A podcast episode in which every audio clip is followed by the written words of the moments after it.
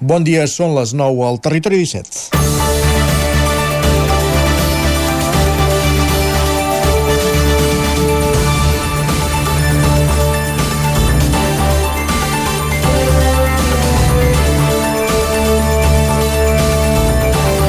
Després del fracàs de les forces de, de ara forces de l'oposició de l'Ajuntament de Ripoll, que dissabte veien com l'ultradretana Sílvia Oriols era investida alcaldessa davant el fracàs de les negociacions per vestir un pacte alternatiu, aquesta setmana ha comparegut els dos blocs dividits. D'una banda, Junts, que després de la patacada del 28 de maig, perdent 5 dels 8 regidors que tenien, van protagonitzar un gir de guió la setmana passada exigint l'alcaldia i després, assegurava dimarts Manoli Vega, acceptant votar la candidata d'Esquerra Xantal Pérez a la investidura a canvi de mantenir la CUP al marge del govern. És a dir, Junts ja havia vetat el grup independent de Joaquim Colomer i també pretenia vetar la CUP. Al marge del viatge ideològic, de posar el mateix sac extrema dreta i esquerra, l'aritmètica mana i sense aquests vots no hi havia govern alternatiu. Ahir van ser Esquerra, el PSC i la CUP qui van explicar la seva visió dels fets, assegurant que mai van donar per bona la proposta de Junts i que la CUP es mantenia dins el seu pacte. Ara ja ho tenim. Ja hem esbombat els draps brus i faríem bé de no perdre més temps amb retrets. Cal refer ponts i que davant l'ultradreta l'oposició vagi unida. Arriba l'estiu, bon temps per reflexionar i amb les aigües més calmades de la tardor, trobar punts de conciliació. Territori 17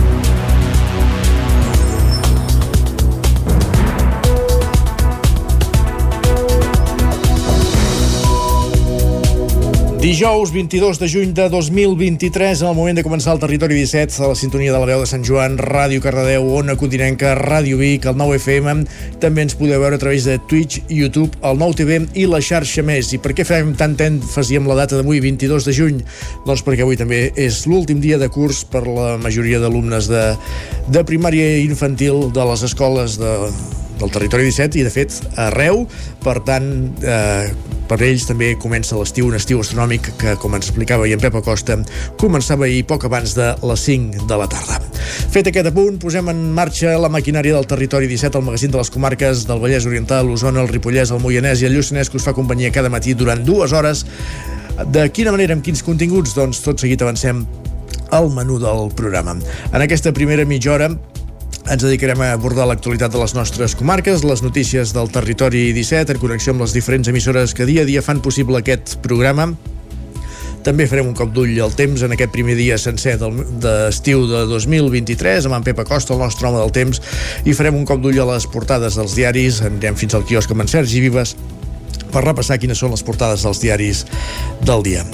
A partir de dos quarts de deu, com cada dia pugem al tren, a la Trenc d'Alba, a l'R3, per repassar les cròniques dels oferts usuaris de la línia en companyia de l'Isaac Muntades des de la veu de Sant Joan i avui és un dia que movem molt l'escaleta aquí al territori 17 en lloc de l'entrevista, just després de l'R3 el que farem serà anar cap al cinema com fem cada dijous a la darrera hora en companyia d'en Joan Garcia i en Gerard Fosses des de la veu de Sant Joan per repassar quines són les estrenes a les, a les sales de casa nostra i les novetats a les cartelleres dels cinemes aquesta setmana.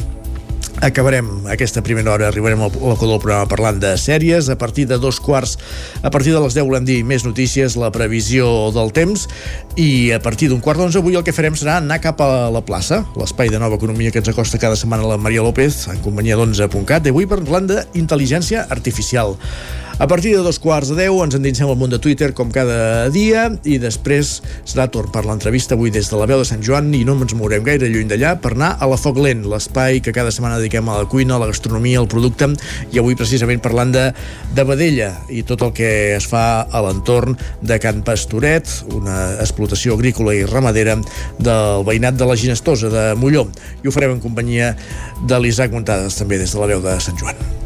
Aquest és el menú del Territori 17 d'avui, dijous 22 de juny de 2023. Per tant, és moment de posar-nos en dansa, com dèiem, amb les notícies més destacades de les nostres comarques, les notícies del Territori 17, les notícies d'Osona, el Vallès Oriental, el Ripollès, el Moianès i el Lluçanès.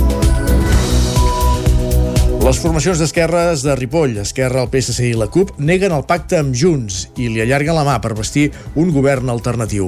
Isaac Muntades, des de la veu de Sant Joan.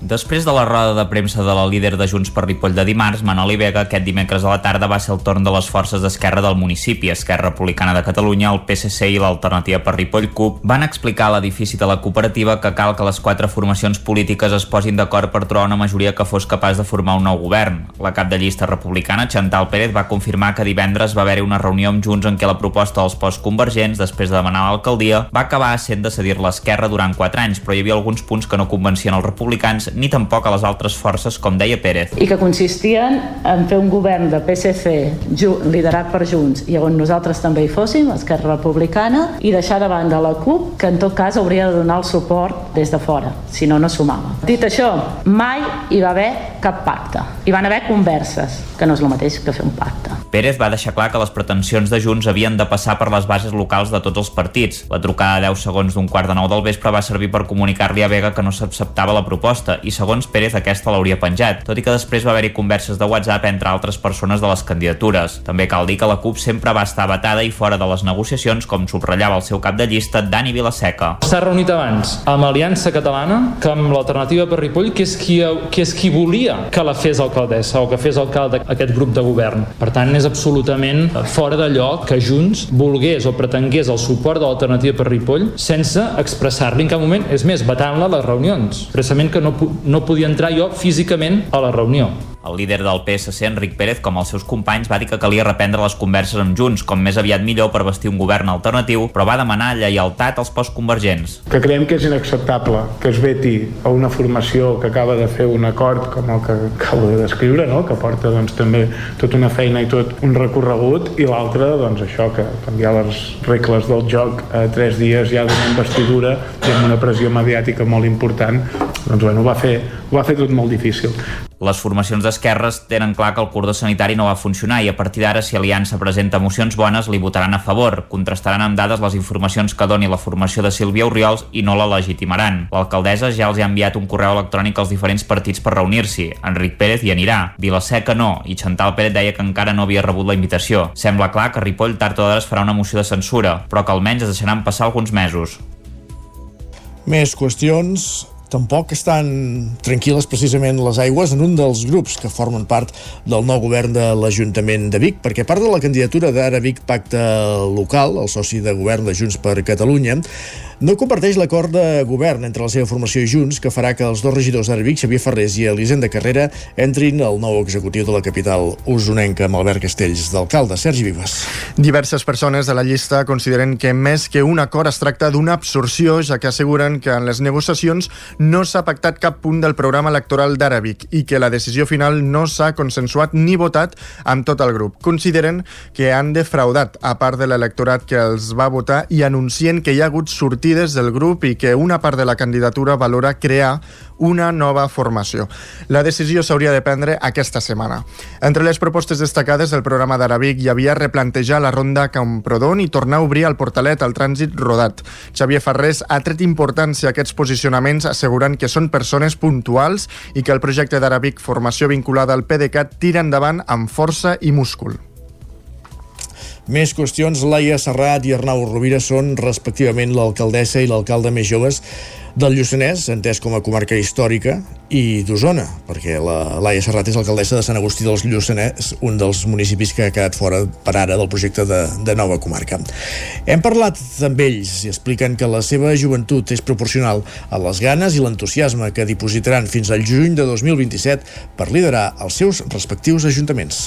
Amb només 22 anys, Laia Serrat es convertia l'any 2019 en la primera dona en entrar a l'Ajuntament de Sant Agustí de Lluçanès. Ara, amb 26, s'ha convertit en la primera dona que arriba a l'alcaldia. Un títol que, sense saber-ho, compatibilitzarà amb el de ser també l'alcaldessa més jove d'Osona i el Lluçanès. Així ho valorava Serrat.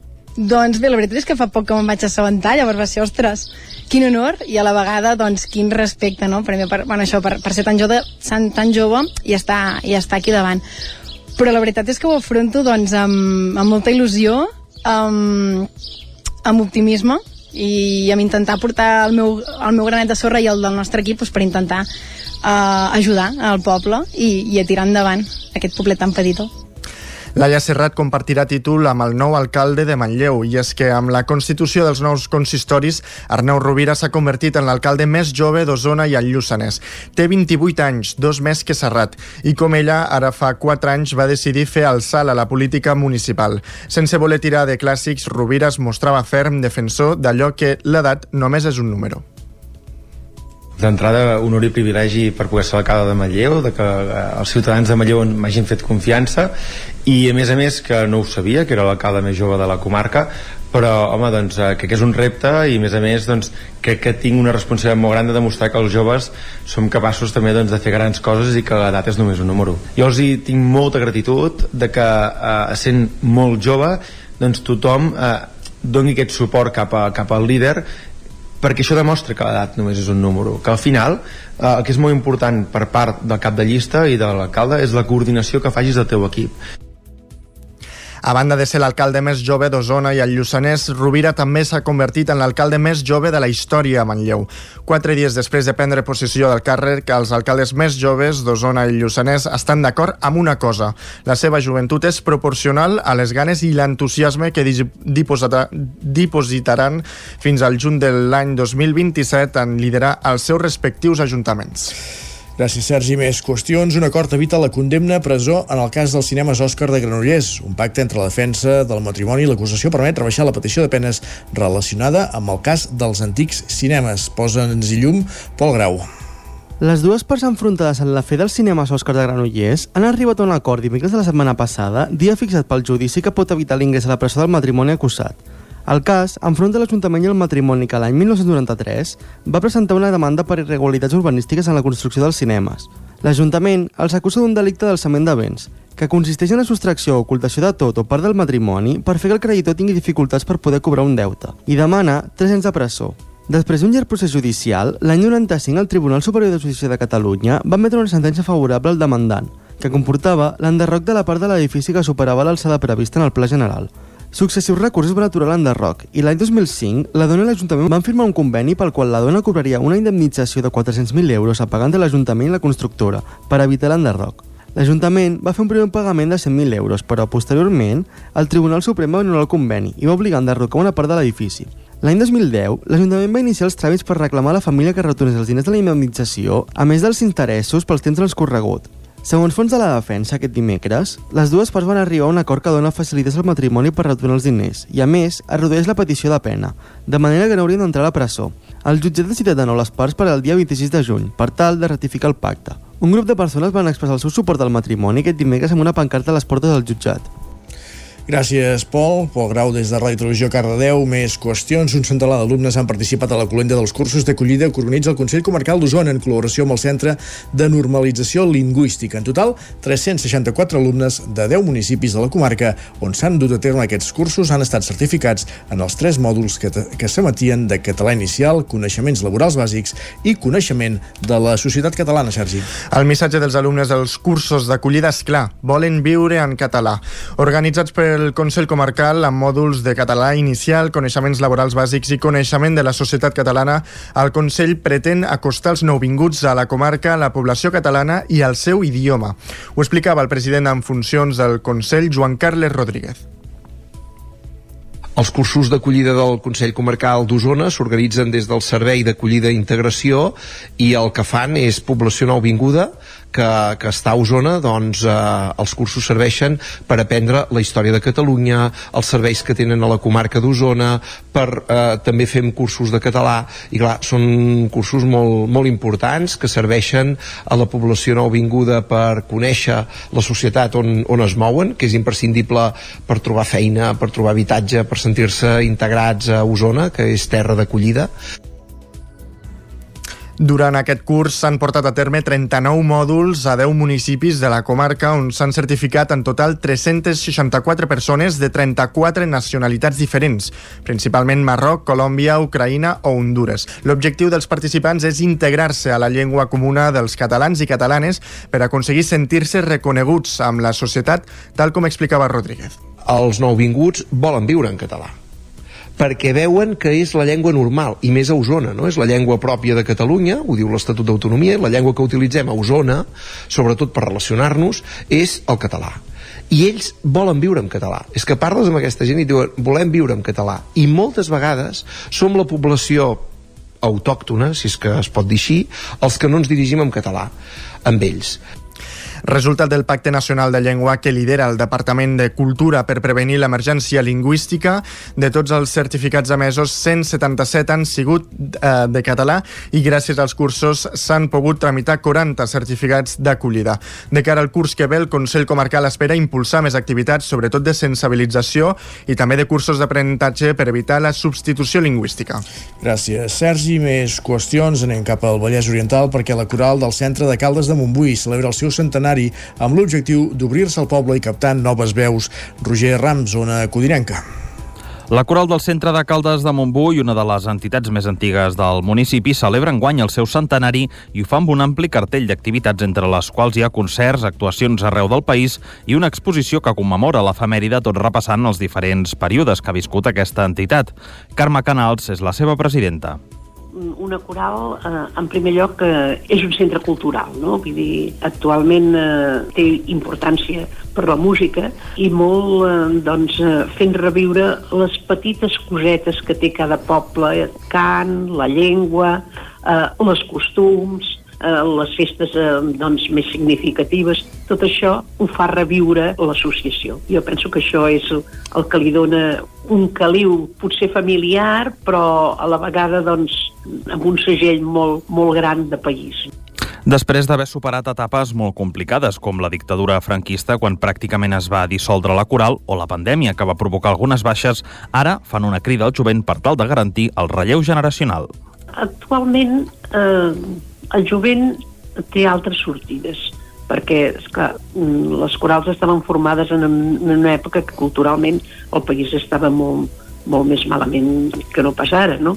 Actualment l'escola de música i, i les, les entitats que, que fan música aglutinen molta, molta joventut. Nosaltres, jo penso que som actualment una coral de gent més gran, però amb moltes ganes de fer coses.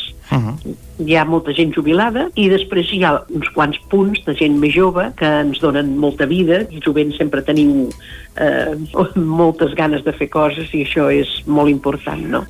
La Coral del Centre de Caldes té previstes activitats al llarg de tots els propers mesos i aquest diumenge ha celebrat ja el seu concert d'estiu a la Sala Noble de Can Rius i aquest dimarts va fer una sortida per cantar a Montserrat. Gràcies, Roger. I la Festa Major de Vic escalfa motors. Ja s'ha fet l'acte dels procuradors de Sant Miquel dels Sants, on després d'anys implicat en la cultura popular de la capital d'Osona, el nostre home del temps, un dels nostres homes del temps, en Manel Dot, va rebre el títol de Procurador d'Honor. Sergi. Sí, eh, Dot va iniciar-se en aquest món passant la safata de les propines, una figura que amb els anys es va perdre. Més endavant va començar a portar la vella, una tasca que va heredar i que ha defensat durant anys. Ara, ja que el seu fill no ha seguit la tradició, confia en que el seu net la pugui recuperar. Jo n'estic molt orgullós de portar, de portar la vella. Jo us he portat tots pràcticament però sobretot la vella. Em vaig disfrutar molt amb el cap de llupia amb el cap de llupia m'ho vaig passar pipa passa que després em va tocar portar la vella que era el, que era el meu. I espero doncs eh, el meu fill no ha continuat ha fet una temporada però espero que n'hi ha un per aquí de net que em sembla que ens sentireu a parlar. Més donar les gràcies a tots i per mi ha estat un honor doncs, que, que feu aquesta emoció.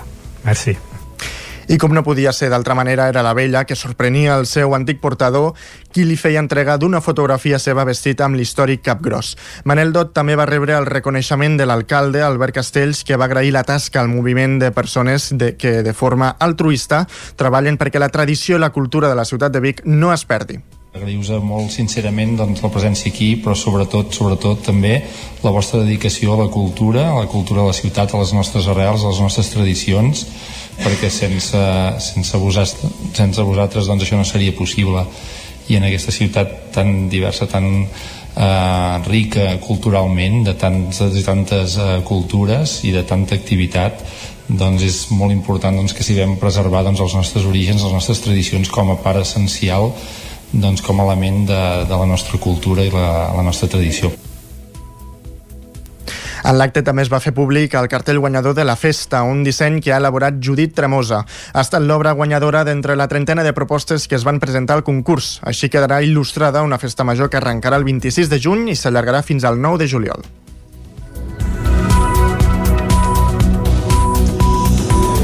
Tindrem temps de parlar de la Festa Major de Vic. Nosaltres el que fem tot seguit al territori 17 és parlar del temps i, per tant, el que fem després d'aquest repàs informatiu que començàvem a les 9 en companyia d'en Sergi Vives, l'Isaac Muntades, en Roger Rams i en Pol Grau. He saludat també en Pep Acosta.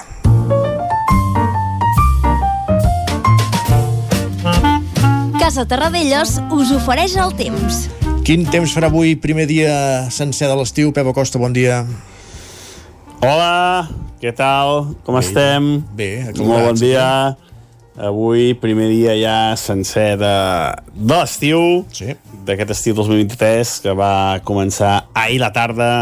Avui ja el primer dia sencer. Uh, per tant, a tota la gent que li agrada l'estiu, uh, segur que està molt contenta. I uh, tota la gent que no li agrada l'estiu, Uh, també tinc bones notícies, perquè avui el dia ja s'escurça i és més curt que no pas el dia d'ahir, i per tant uh, això vol dir que, que anem, anem, uh, anem cap a l'hivern. és així, eh? Anem cap a l'hivern, uh, però sens dubte encara hem de passar molts i molts dies d'estiu, que, que és una estació que molta gent és la seva favorita. I l'estiu ha començat amb força calor, amb un ambient molt suau, i encara amb, amb, amb aquesta posa en suspensió que tenim a moltes i moltes, moltes poblacions. Una posa en suspensió que anirà a baixar el dia d'avui. I per què en baixarà? Perquè entra una mica de vent de nord. Una mica de vent de nord que farà això, eh? que farà que aquesta pols sahariana mica en mica eh, vagi marxant eh, les temperatures mínimes suaus, eh, la majoria de valors entre els 15 i els 20 graus de mínima, en algun lloc fins per sobre els 20 graus al peritoral. I per sota aquests 15 graus només les zones més fredes de, de l'interior i, òbviament, cap al Pirineu. Dia tranquil al matí, eh, pocs núvols, aquesta nit ens han creuat eh, unes petites tempestes cap a la zona a l'oest de Catalunya, però per casa nostra no, eh? per casa nostra eh, poca cosa, només alguna nuvolada del tot inofensiva. I aquest matí continuarà aquest mateix panorama, eh? amb molta tranquil·litat, eh, sol, aquesta pols, aquesta mala visibilitat i poca eh, cosa més a destacar. De cara a la tarda, de cara a la tarda, sí que avui les nuvolades creixeran una mica més. Creixeran més força, amb més potència, i poden deixar alguna precipitació cap a Osona i sobretot cap al Ripollès. Uh, hi, ha les, hi ha una mica més aire fred i per tant les característiques uh, són uh, més, uh, més a favor d'aquest creixement d'aquestes nuvolades. Uh, deixaran poca precipitació, seran uh, tempestes uh, bastant uh, aïllades, no molt intenses i tampoc no molt extenses. Les temperatures màximes normals per època de l'any, la majoria de valors entre els 28 i els 32 graus. Per tant, eh, un temps estiu, un temps eh, un temps eh, de, de, de preestiu, un temps que és el que toca per aquestes dates. I això és tot, a disfrutar el dia d'avui i a disfrutar de, del sol, de la calor i d'una tempesta cap al Pirineu aquesta tarda. Moltes gràcies, adeu. Doncs procurem gaudir de tot plegat. Gràcies, Pep, parlem d'aquí una estoneta. Casa Tarradellas us ha ofert aquest espai.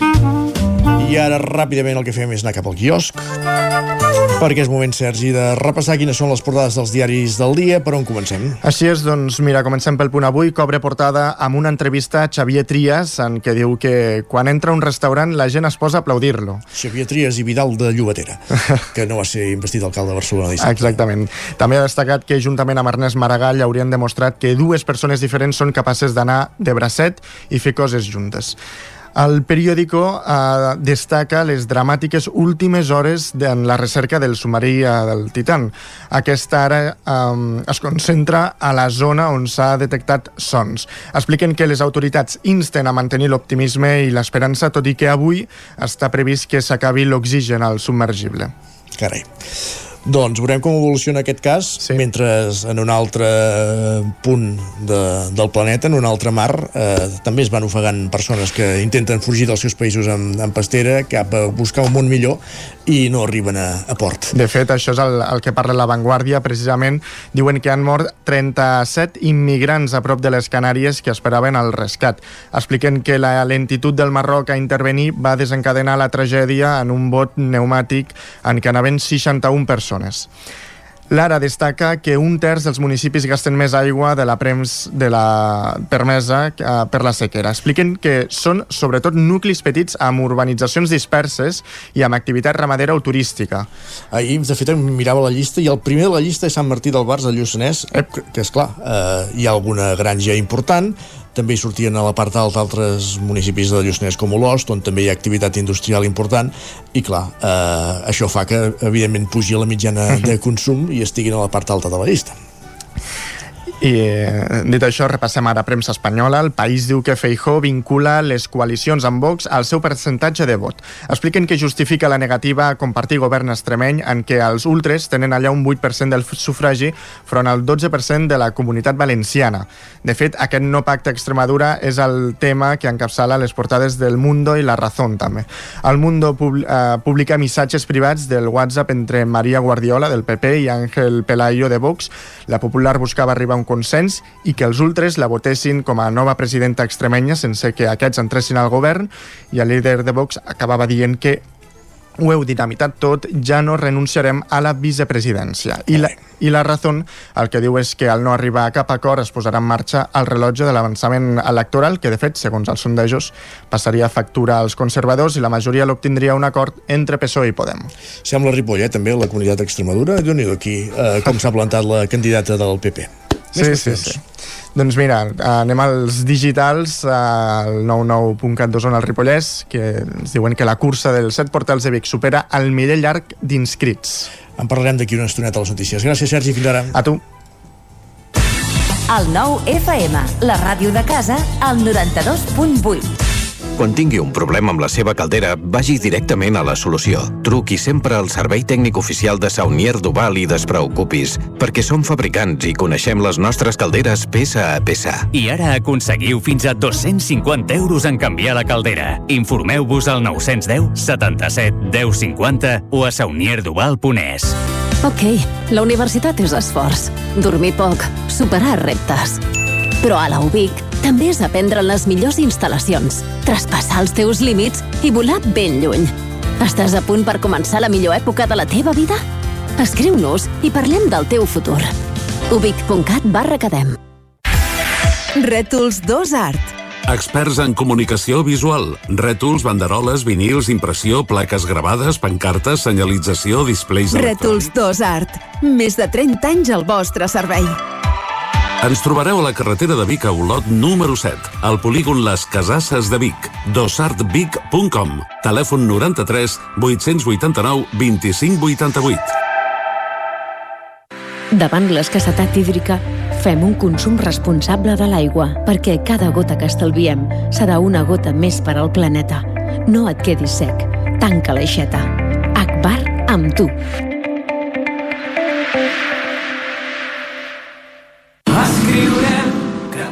Estiu vine a viure al Festival Macroclima a Camprodon. Miqui Núñez, Blaumut, Helena Gadel, Missima, Pau Ballvé i molts més us esperen en un entorn immillorable. També concerts pels més petits amb Xiula i de Marisa Labert, l'humor de Quim Esferrer i una àmplia oferta de gastronomia de la vall. Compra ja la teva entrada i vine a Camprodon a gaudir del macroclima. Per moure't, lloga un cotxe ALR. Per moure la família, lloga un minibús ALR. Per moure coses, lloga una furgoneta ALR. Per moure la casa, lloga un camió ALR. Lloguer de cotxes, furgonetes i camions ALR. Ens trobaràs al carrer Francesc Sant Climent 83 de Vic i també a Olot i Manresa. Informa't en el 93 888 60 57 o bé consulta el web alr.cat. Ja tenim aquí la rebella de Sant Joan. Prepara't! A Manli seleccionem el millor en pirotècnia, bateries, bengales, trons, coets, els millors preus, ofertes tots els dies de rebella i tot l'any. Visiteu el catàleg a manli.cat. Manli, al carrer Ramon Soler, telèfon 93 889 0484. Vic, Sant Joan, ja és aquí. Anuncia't al 9FM. La màquina de casa. 9 3 8 8 9 4 9 4 9. Publicitat arroba al 9FM.cat. Anuncia't al 9FM. La publicitat més eficaç. Territori 17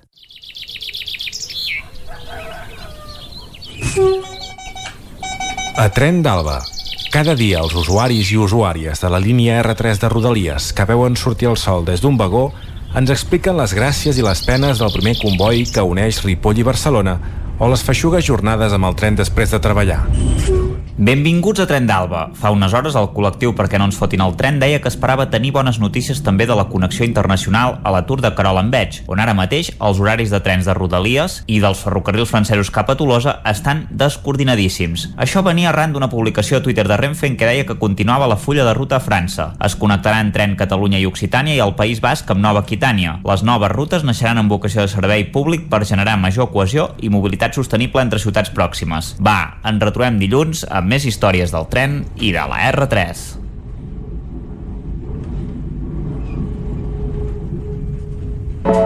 Territori 17, el 9 FM, la veu de Sant Joan, Ona Codinenca, Ràdio Cardedeu, Territori 17.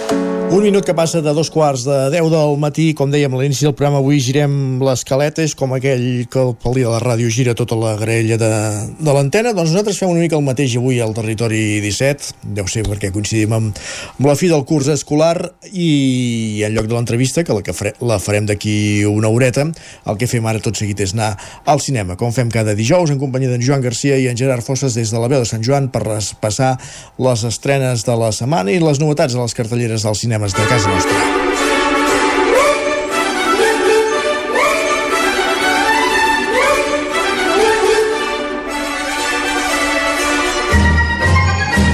I una setmana més, moment de parlar de cinema al nostre programa, de fer-ho amb en Gerard Fosses, de, en la secció de cinema. Hola, Gerard. Hola, què tal? Com va això? Bé, us heu cansat de parlar de política i ja? Podem tornar sí, al cinema? Sí, sí, ja, ja, ja sé que, que, que, que escoltes el programa i que saps que, que aquesta setmana, aquests últims dies, segurament hi ha hagut més emoció, més girs d'últim eh, minut eh, a la política local que no pas als cinemes, eh? Sí, sí, sens dubte, la, la cosa ha estat carregada i suposo que ho seguirà estant durant temps.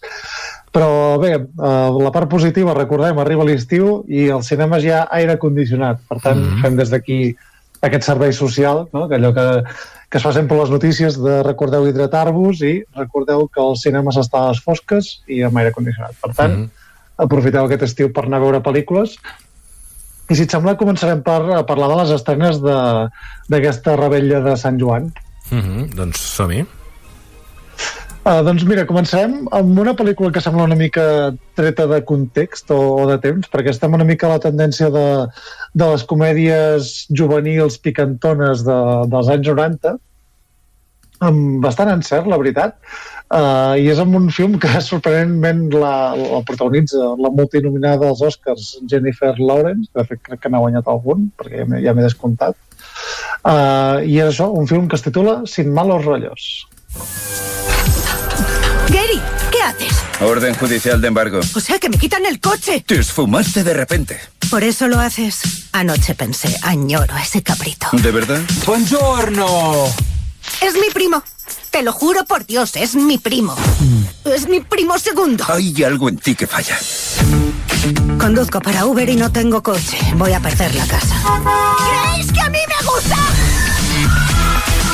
Mira esto. ¿Necesitas un coche? Sal con nuestro hijo y hazlo salir de su concha antes de ir a la uni. A cambio te daremos un Buick Regal. Sal, entre comillas. Tiene que ser coña, ¿no? no. Molt bé, una, una feina bastant curiosa la que acceptarà, suposo, la Jennifer Lawrence, la Maddie, en aquesta, en aquesta pel·lícula. Sí, a més a més, bueno, és que, és que si no l'accepta ja acabem ràpid. Mm. Uh, però bé, és aquesta noia que està amb, amb, adulta ja, que està amb els seus problemes vitals, com passa amb la gent de la generació de, I econòmics. de 30-40 anys. Sí, sí, bueno, els, els problemes de sempre, diguem, sí. coses generacionals, que aquí m'hi sento molt identificat.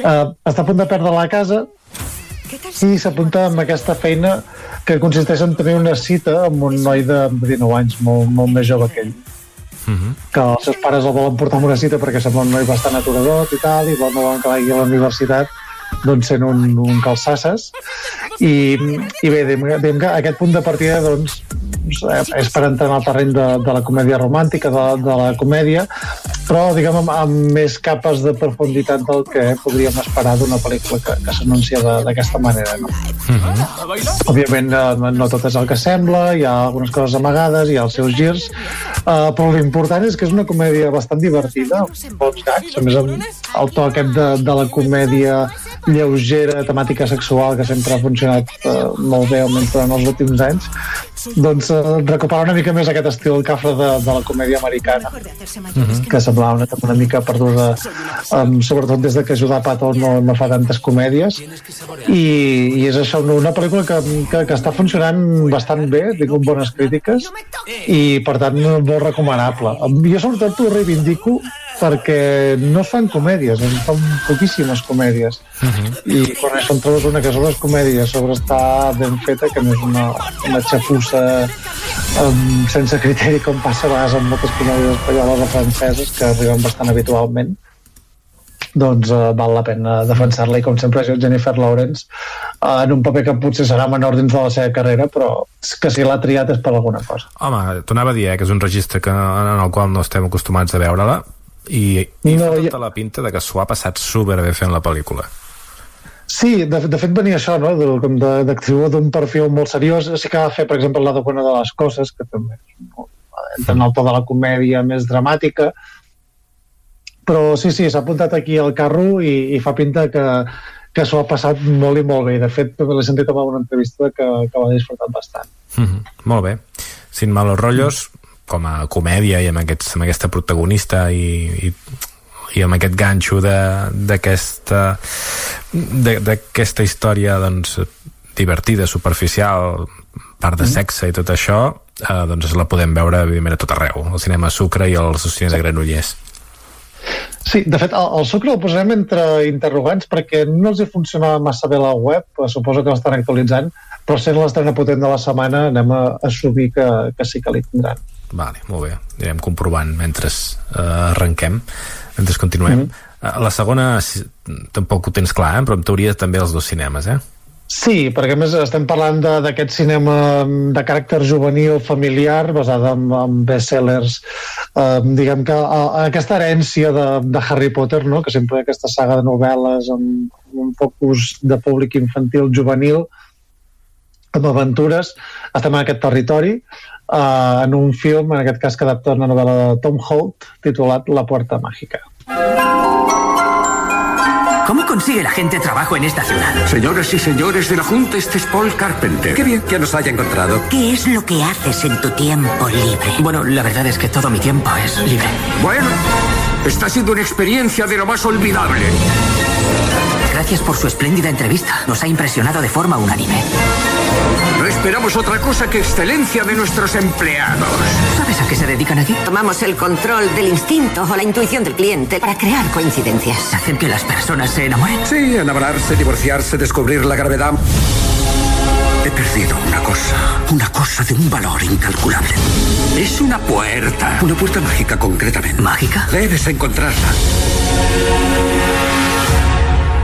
Toc, toc. ¿Y te lleva a donde tú quieras?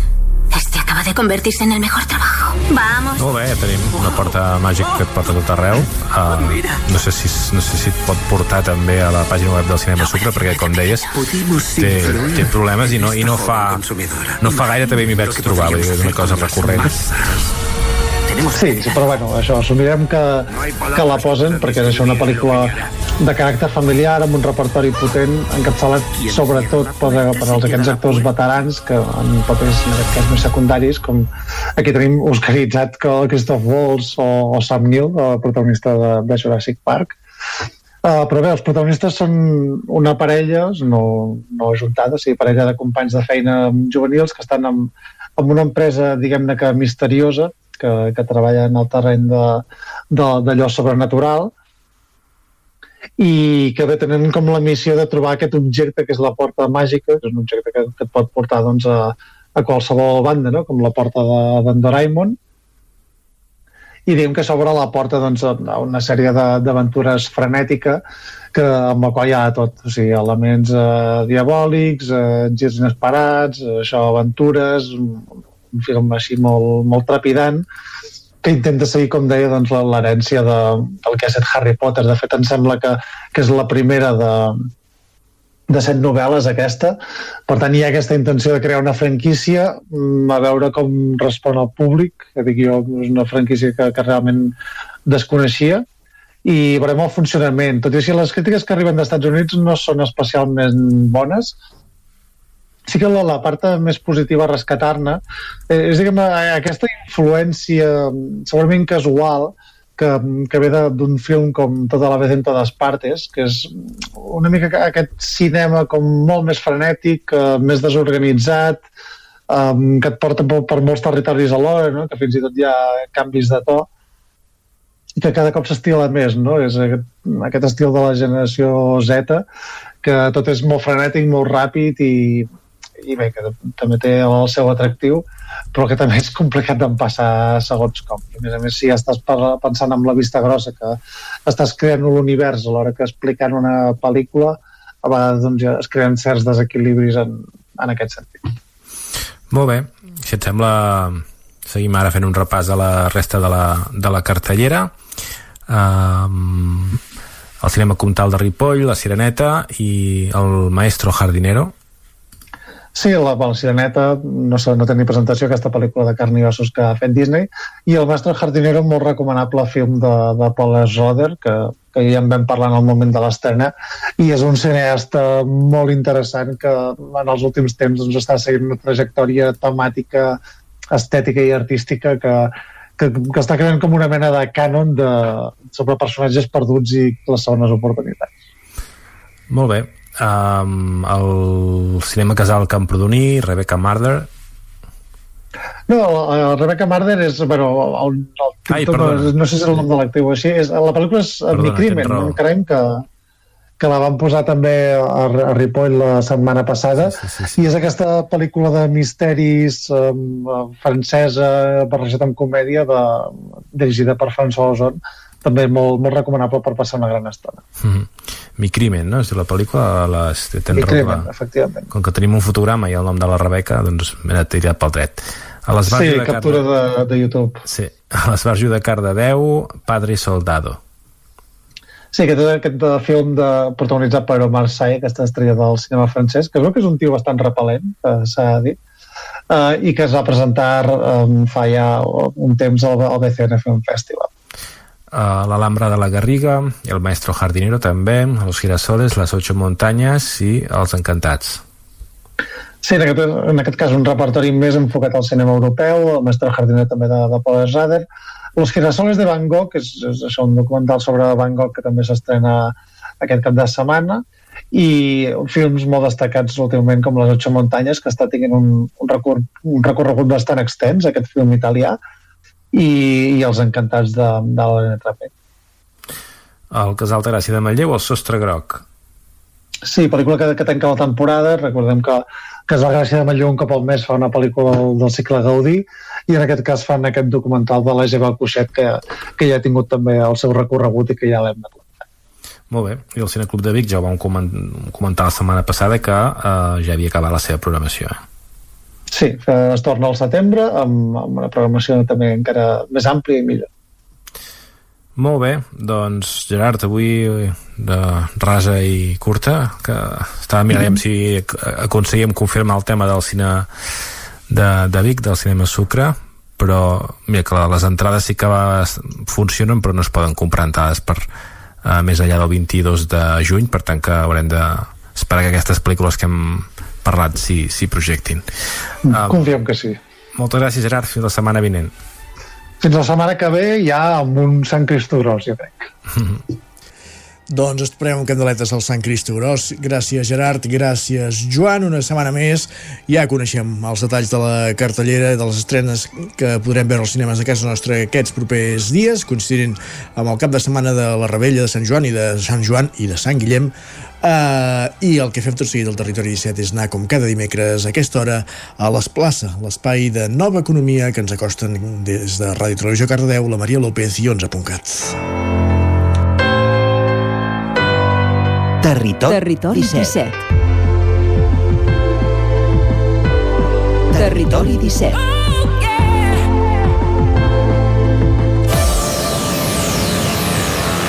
Res, 5 segons i seran 3 quarts de 10 del matí.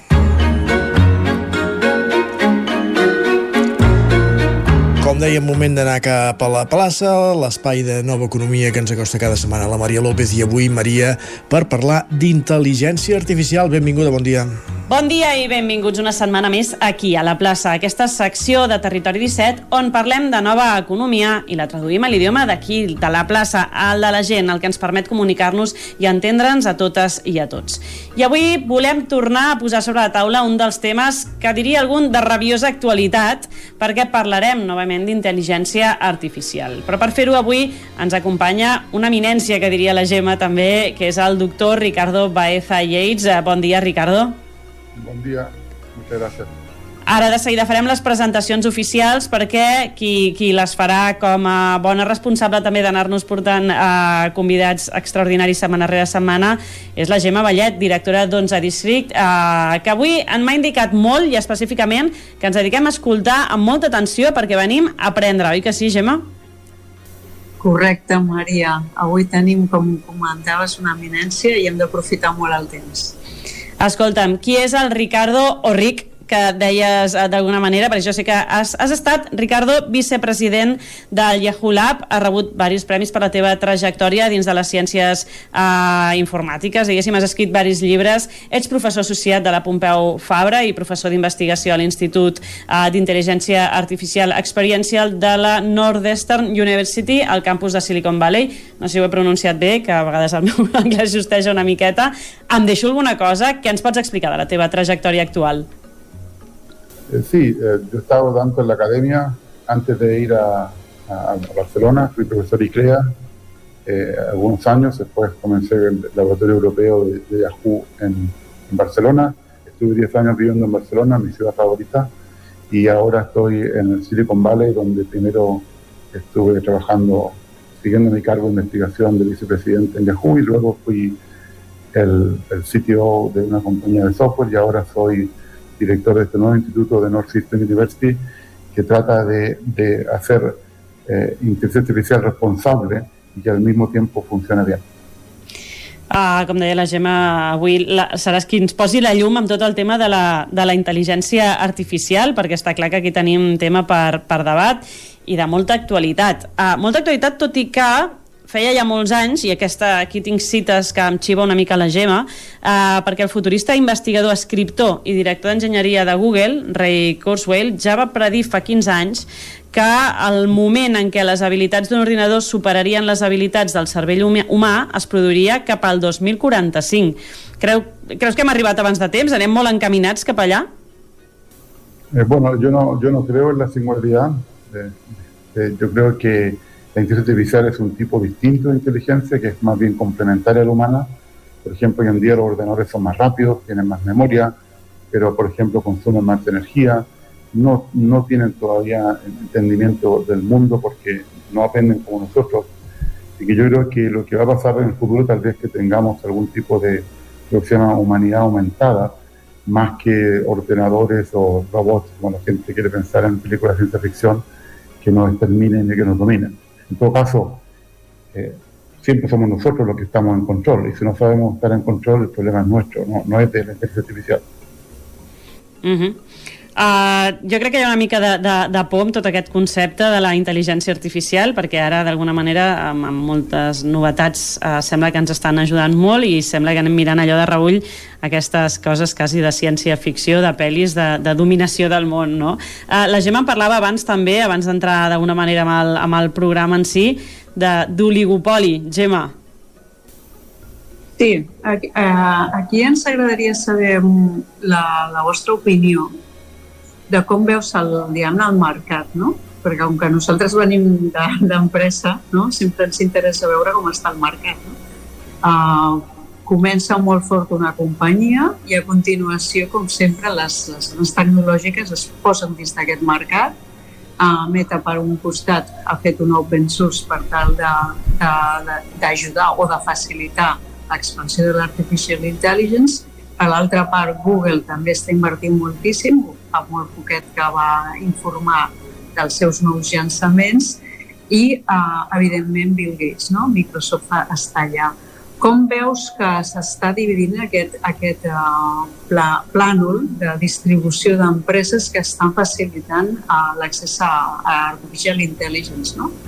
Mm, bàsicament es veu des de fora que ha començat com un oligopoli i potser acabem amb un duopoli Mm, Dónanos una miqueta la teva visión. Gracias. Sí, es una pregunta difícil porque eh, en realidad la inteligencia artificial tiene, mu tiene muchos, muchos tipos y lamentablemente hoy en día todo el mundo la asocia con, con lo que pasa con, con, la inteligencia artificial generativa, que es, por ejemplo, el chatbot, donde el más conocido es ChatGPT. En ese mundo parecería que, que OpenAI y Microsoft tienen ventaja pero este año ya Meta, que es la compañía que tiene Facebook, Instagram y otras redes sociales, eh, puso un modelo no tan bueno, pero bastante grande, eh, digamos, abierto, que todo el mundo puede usar. Y con esto han habido muchos avances de pequeñas compañías que están mostrando que se pueden hacer modelos más pequeños y no se necesita hacer una multinacional para entrenar estos modelos. Y si estos modelos abiertos tienen éxito, eso significa que eh, que, muchas empresas van a poder en el futuro, eh, digamos, personalizar estos modelos para distintos temas, lo que se llama en inglés eh, hacer un fine tuning, como una sintonía fina, para entender un dominio específico.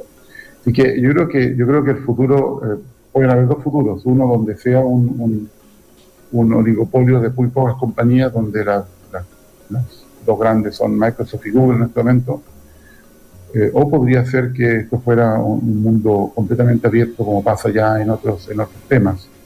Eh, y, por muchas compañías que hicieron esto. Por ejemplo, Yahoo puso muchas cosas en dominio abierto y todo el tema, por ejemplo, de la nube y todo eso, hay muchas ofertas porque las herramientas de cálculo son abiertas.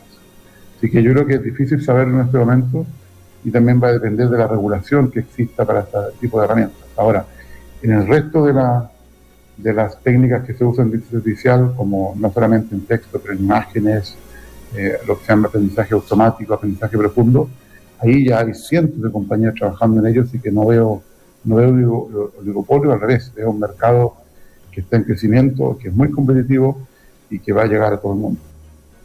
Uh, tornant una mica, Ricardo, també el que comentàvem abans, no? de, bueno, visió una mica quasi de ciència-ficció de la intel·ligència artificial. Fins on pot arribar això? I fins a quin punt està clar no, que la intel·ligència artificial ens, ens facilita molt la feina en alguns aspectes? Vull dir, jo des del món del periodisme, del periodisme està clar que a vegades ara ja pots fer virgueries donant dos paraules claus i una foto. No? Um, fins on pot arribar això i on queden les persones en el món de l'economia, en el món laboral? Sí, este, famoso tema, vamos, vamos a perder trabajo o vamos a ganar trabajo. Yo creo que, insisto en que la inteligencia artificial debería complementar a las personas. Esa parte de, la visión correcta del uso de la inteligencia artificial todavía no es, no es la dominante, porque actualmente al parecer la dominante cómo ganamos más dinero y, si es posible muy rápido, y cuando hacemos las cosas muy rápido no pensamos, por ejemplo, en los impactos sociales, en los problemas éticos. Pero yo creo que si usamos esto para aumentar la productividad de las personas, por ejemplo, nadie va a perder su trabajo, pero todos vamos a hacer las cosas más rápido y, mejor. Pero por supuesto hay que hacer, hay que hacer el uso correcto eh, en el contexto correcto de estas herramientas. Por ejemplo, significa podemos rápidamente escribir en otros idiomas, mejorar nuestro estilo, mejorar nuestra gramática, eh, porque en esto las herramientas son muy buenas. Pero no tenemos que usarlos como, por ejemplo, no tenemos que usar los chatbots como buscadores, porque inventan hechos, no saben decir dónde encontrar la información, lo único que están es, prediciendo la siguiente palabra más probable, que muchas veces no es la correcta. Así que tenemos que decir, mira, para este tipo de trabajo no se puede usar, para este tipo de trabajo sí se puede usar. O poner regulaciones muy, muy fuertes. Ya han habido ejemplos de abogados que han, han sido tan estúpidos en Estados Unidos que han usado esto para preparar casos y por supuesto ChatGPT inventa casos que no existen y los jueces los han pillado y de hecho a un abogado más reciente le preguntó hace pocos días pero usted no revisó los casos bueno sí le pregunté a ChatGPT si eran ciertos y ChatGPT me dijo sí. es decir si la, hay gente eh, tan eh, entre comillas estúpida el, el, problema no es la inteligencia artificial el problema somos nosotros y tal como lo dije en una entrevista reciente eh, si, si, la IA puede destruirnos es porque nosotros vamos a ser muy estúpidos. Por ejemplo, una cosa es que el chatbot te diga te voy a aniquilar y otra cosa es que pueda accionar eso. Entonces, para eso va a necesitar ayuda humana. Es decir, los, los seres humanos van a tener que ayudar a la inteligencia artificial o, al revés. Yo creo que mucho antes va a pasar que seres humanos van a usar más la inteligencia artificial para lograr sus objetivos. Es decir, esto ya está pasando. Las guerras no se detienen. Tenemos, tenemos la guerra que comenzó Putin en Ucrania cualquier dictador o, presidente que tenga un control absoluto de su país podría usar inteligencia artificial para hacer daño y ese es un peligro mucho más cercano que cualquier singularidad que, que alguien piense que va a ocurrir en el año 2047. Y yo creo que si ese es el camino, va a pasar algo antes, pero como digo, por nuestra estupidez, no por la inteligencia artificial. Clar, el problema és si tenim o no una societat preparada no només a nivell de, de prou intel·ligent, per pensar en el cas de l'advocat, no? sinó prou ètica, um, prou moral com per fer un bon ús d'una eina que al final hem creat nosaltres mateixos, no? I, i, i com fins i tot has estat pensant quasi que generes una bretxa entre uh, la gent macrointel·ligent que ha sigut capaç de crear aquestes eines i la gent que decideix fer-les servir per tot i, i acaben anant a l'altre extrem, no? És com que estem creant uh, de facilitar les coses una bretxa de mons entre persones molt intel·ligents i persones que fan servir aquestes eines.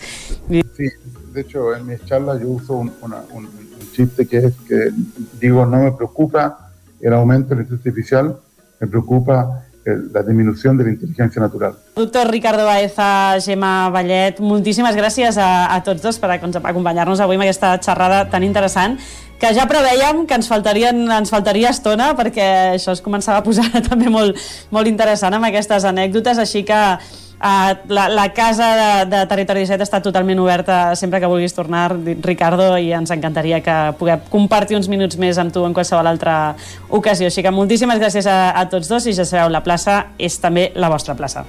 Gràcies a ustedes. Gràcies a tu també una setmana, Maria, una setmana més. A la plaça arribarem gairebé al punt de les 10, diem gairebé perquè fins al punt de les 10 ens hi portarà aquesta cançó, el darrer senzill del darrer treball discogràfic d'un grup biguetà, Junco i Mimbre, amb la Maria Espinosa al capdavant, comentant, i que aquesta setmana feia públic aquest nou senzill, Mai no tinguis pressa. Junco i Mimbre fins a les 10 al Territori 17.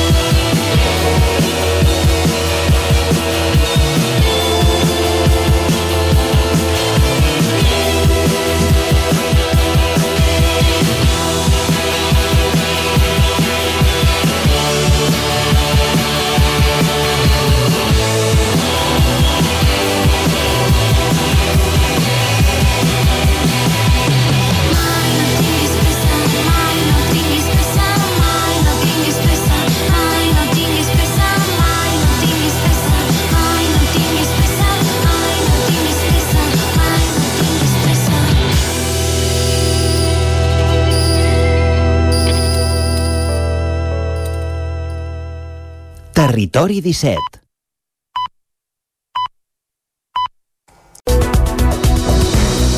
Moment d'actualitzar-nos al territori 17, moment de posar-nos al dia al magazín de les comarques del Vallès Oriental, l'Osona, el Ripollès, el Moianès i el Lluçanès, un magazín que us fa companyia cada matí durant dues hores entre les 9 i les 11 a una codinenca, Ràdio Cardedeu, la veu de Sant Joan, Ràdio Vic, el 9 FM i també ens podeu veure, volem dir, a través de diversos canals, Twitch, YouTube, el 9 TV i la xarxa més per explicar-vos aquesta hora que la llar d'infants municipal de Vigues i Riells al FAI rep un nombre rècord de preinscripcions i ofereix plaça a, totes, a totes elles, a tots els alumnes que han demanat la preinscripció, adaptant la distribució que hi havia fins ara. Roger Ram, zona Codinenca. Sí, l'Escola Bressol Municipal La Puput de Vigues i Riells del FAI ha anunciat aquesta setmana que amplia les places de cara al curs vinent per tal de poder absorbir l'augment històric de preinscripcions que ha viscut. En concret, n'han passat de 26 l'any passat a 47 pel proper curs. Eva Martínez, regidora d'Educació, explica la intenció de l'ampliació dut a terme pel consistori. Principi nosaltres el que vam fer és eh, primer esperar a veure quines preinscripcions hi hauria i a partir d'aquí doncs, vam decidir quines eh, estances s'obririen o no per donar sobretot encabiment a totes les famílies que han demanat plaça. Per això hem esperat a que estiguessin les, les, les eh, preinscripcions fetes per donar exactament cabuda a totes aquestes preinscripcions. No sabíem exactament si hauríem d'ampliar una estança d'I1, d'I2, hem decidit fer una estança d'I2, que seria en aquest cas mixta, en el que encabim una part de nens d'I1 i una part de nens d'I2. Des de l'Ajuntament no saben exactament a què es deu aquest augment tan pronunciat de preinscripcions a la llar d'infants pública, tot i que apunten que el principal incentiu són les bones referències que les famílies del poble fan respecte a aquest servei públic. Doncs exactament no ho sabem, perquè al final la gratuïtat és la d'I2 i l'augment de, de preinscripcions al final han estat per I1. Llavors, mm, m'imagino que, la, el que el que al final s'està reflectint és la confiança que, es do, que dona a l'equip de, de mestres i auxiliars que tenim a l'escola, doncs és el que al final potser és el que més ha, ha donat a cabuda que aquestes famílies mm, vulguin tenir els seus fills a l'escola municipal. Tot plegat s'ha viscut en l'any en què el govern de la Generalitat ha anunciat la gratuïtat del curs infantil 2 de cara al curs vinent. Gràcies, Roger. Més qüestions passades les eleccions municipals. Tenim una altra cita amb les urnes, el 23 de juliol, i mica en mica es van coneixent qui seran els candidats, qui seran les persones que confeccionaran les llistes electorals.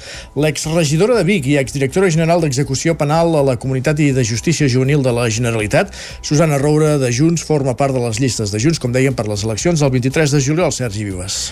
De fet, ocupa el número 6 de la candidatura per Barcelona al Congrés, que encapçala Míriam Nogueres. Als últims comicis, encara amb el PDeCAT, el partit va treure quatre diputats en aquesta demarcació.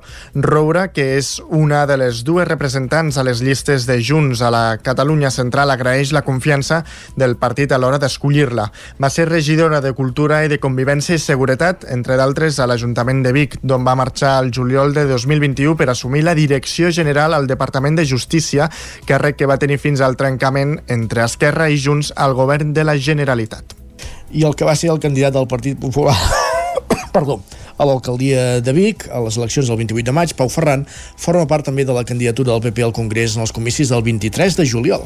Ferran és el número 12 de la llista per Barcelona que encapçala Nacho Martín Blanco, l'exportaveu de Ciutadans al Departament de, al Parlament de Catalunya. Tot plegat després que el PP no obtingués representació a l'Ajuntament de Vic a les municipals. I acabem repassant el que han estat les investidures pels principals pobles del Ripollès. Avui toca Ribes de Freser, on Mònica Sant Jaume tornarà a ser alcaldessa 4 anys més, amb majoria absoluta aquesta vegada.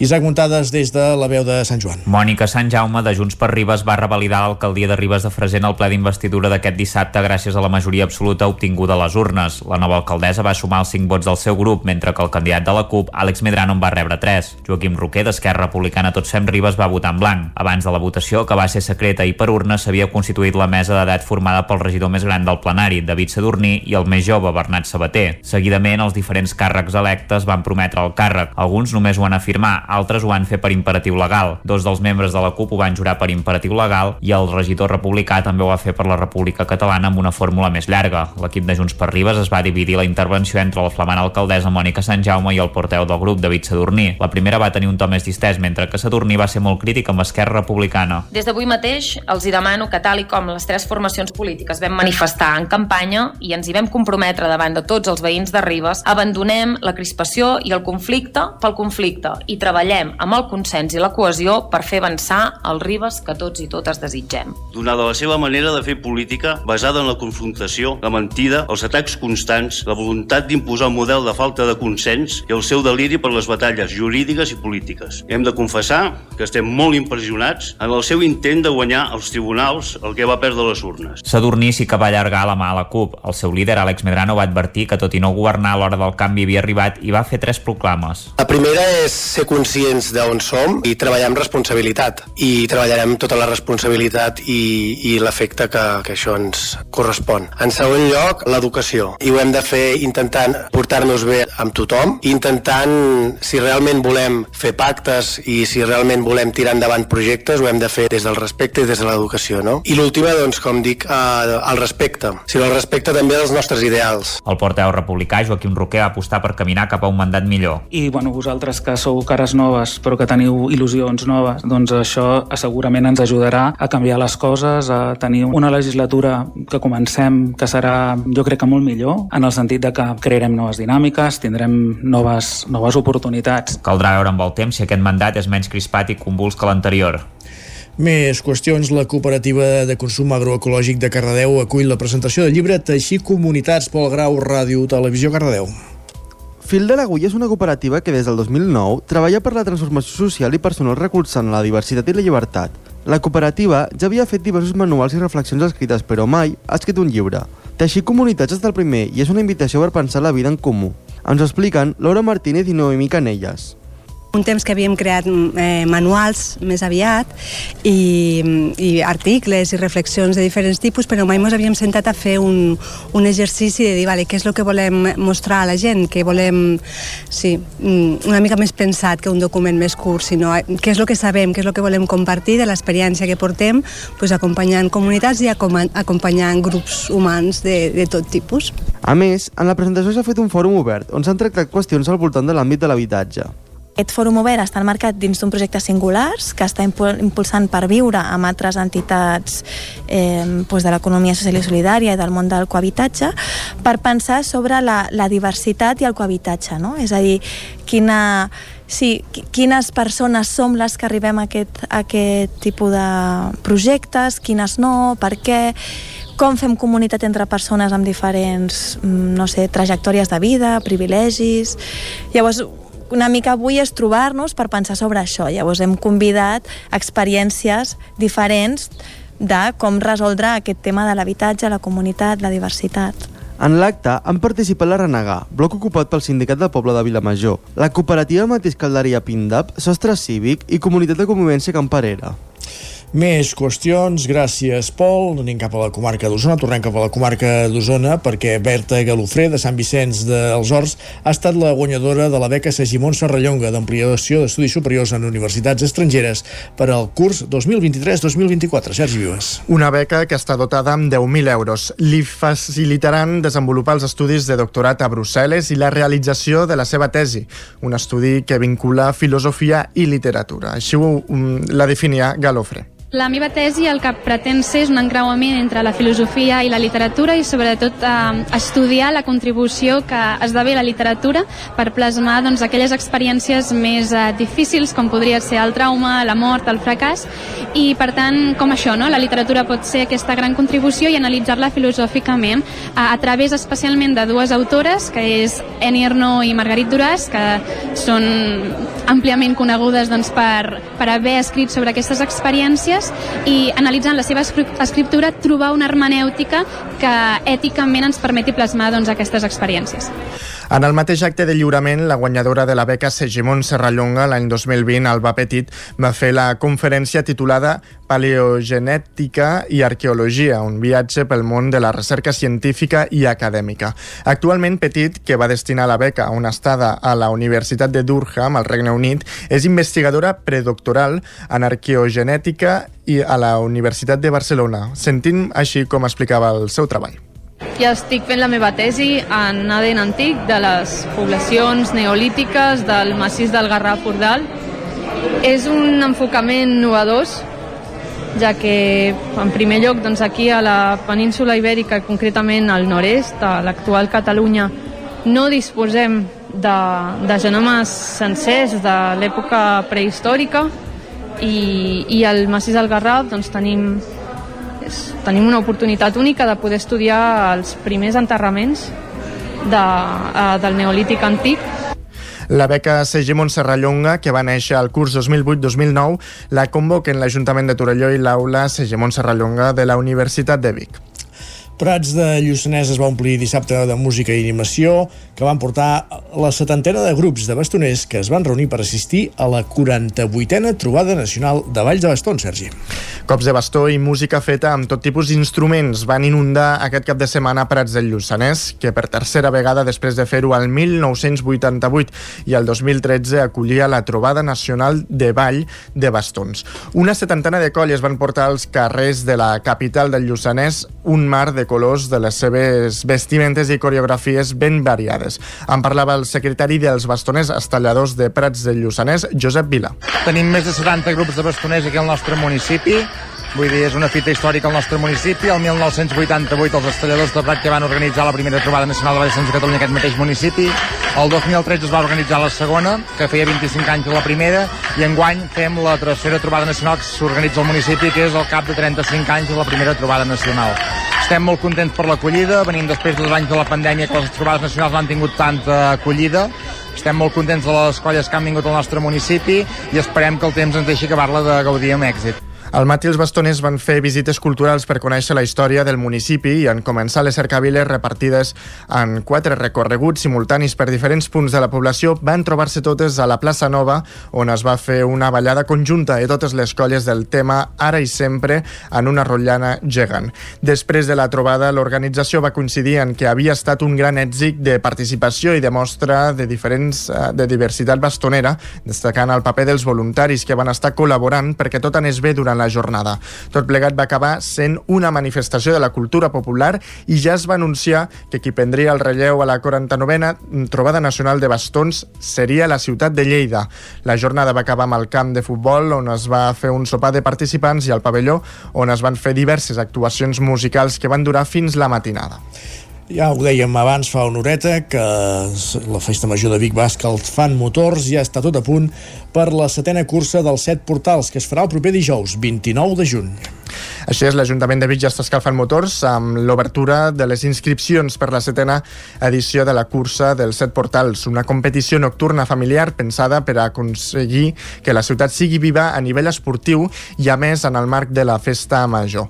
Al llarg dels 5 quilòmetres de recorregut, els corredors passaran per els set portals de l'antiga ciutat de Vic, els portals de Manlleu, Gurb, Malloles, Queral, Santa Eugènia, Santa Eulàlia, del d'en Teixidor i el Portalet. En parlava l'exregidor d'Esports de l'Ajuntament de Vic, Titi Roca. Aquesta cursa és una mica el tarannà no, i la política esportiva que hem tingut els darrers anys de, de ciutat, que és acostar l'esport a tothom, per tant és una cursa totalment familiar, que la pots venir a gaudir amb els més petits de casa, amb amics, amb, amb gent de la feina, per tant és una cursa de 5 quilòmetres, eh, a l'abast de tothom, que fa una mica de cultura i de coneixença de ciutat pels set, els set portals antics de ciutat, per tant ho té una mica tot, no? Amb el, els darrers anys la Festa Major de Vic ha agafat un aire més festiu, amb més activitats, hi ha, hi ha més moviment, i que coincideixi doncs, també amb un dia de festa d'una de, de les coses, jo crec que també és important, però ja et dic, la, jo crec que el maco és que encabir no? una activitat festiva, esportiva dintre de la festa major, no? Aquesta és una de les coses, no?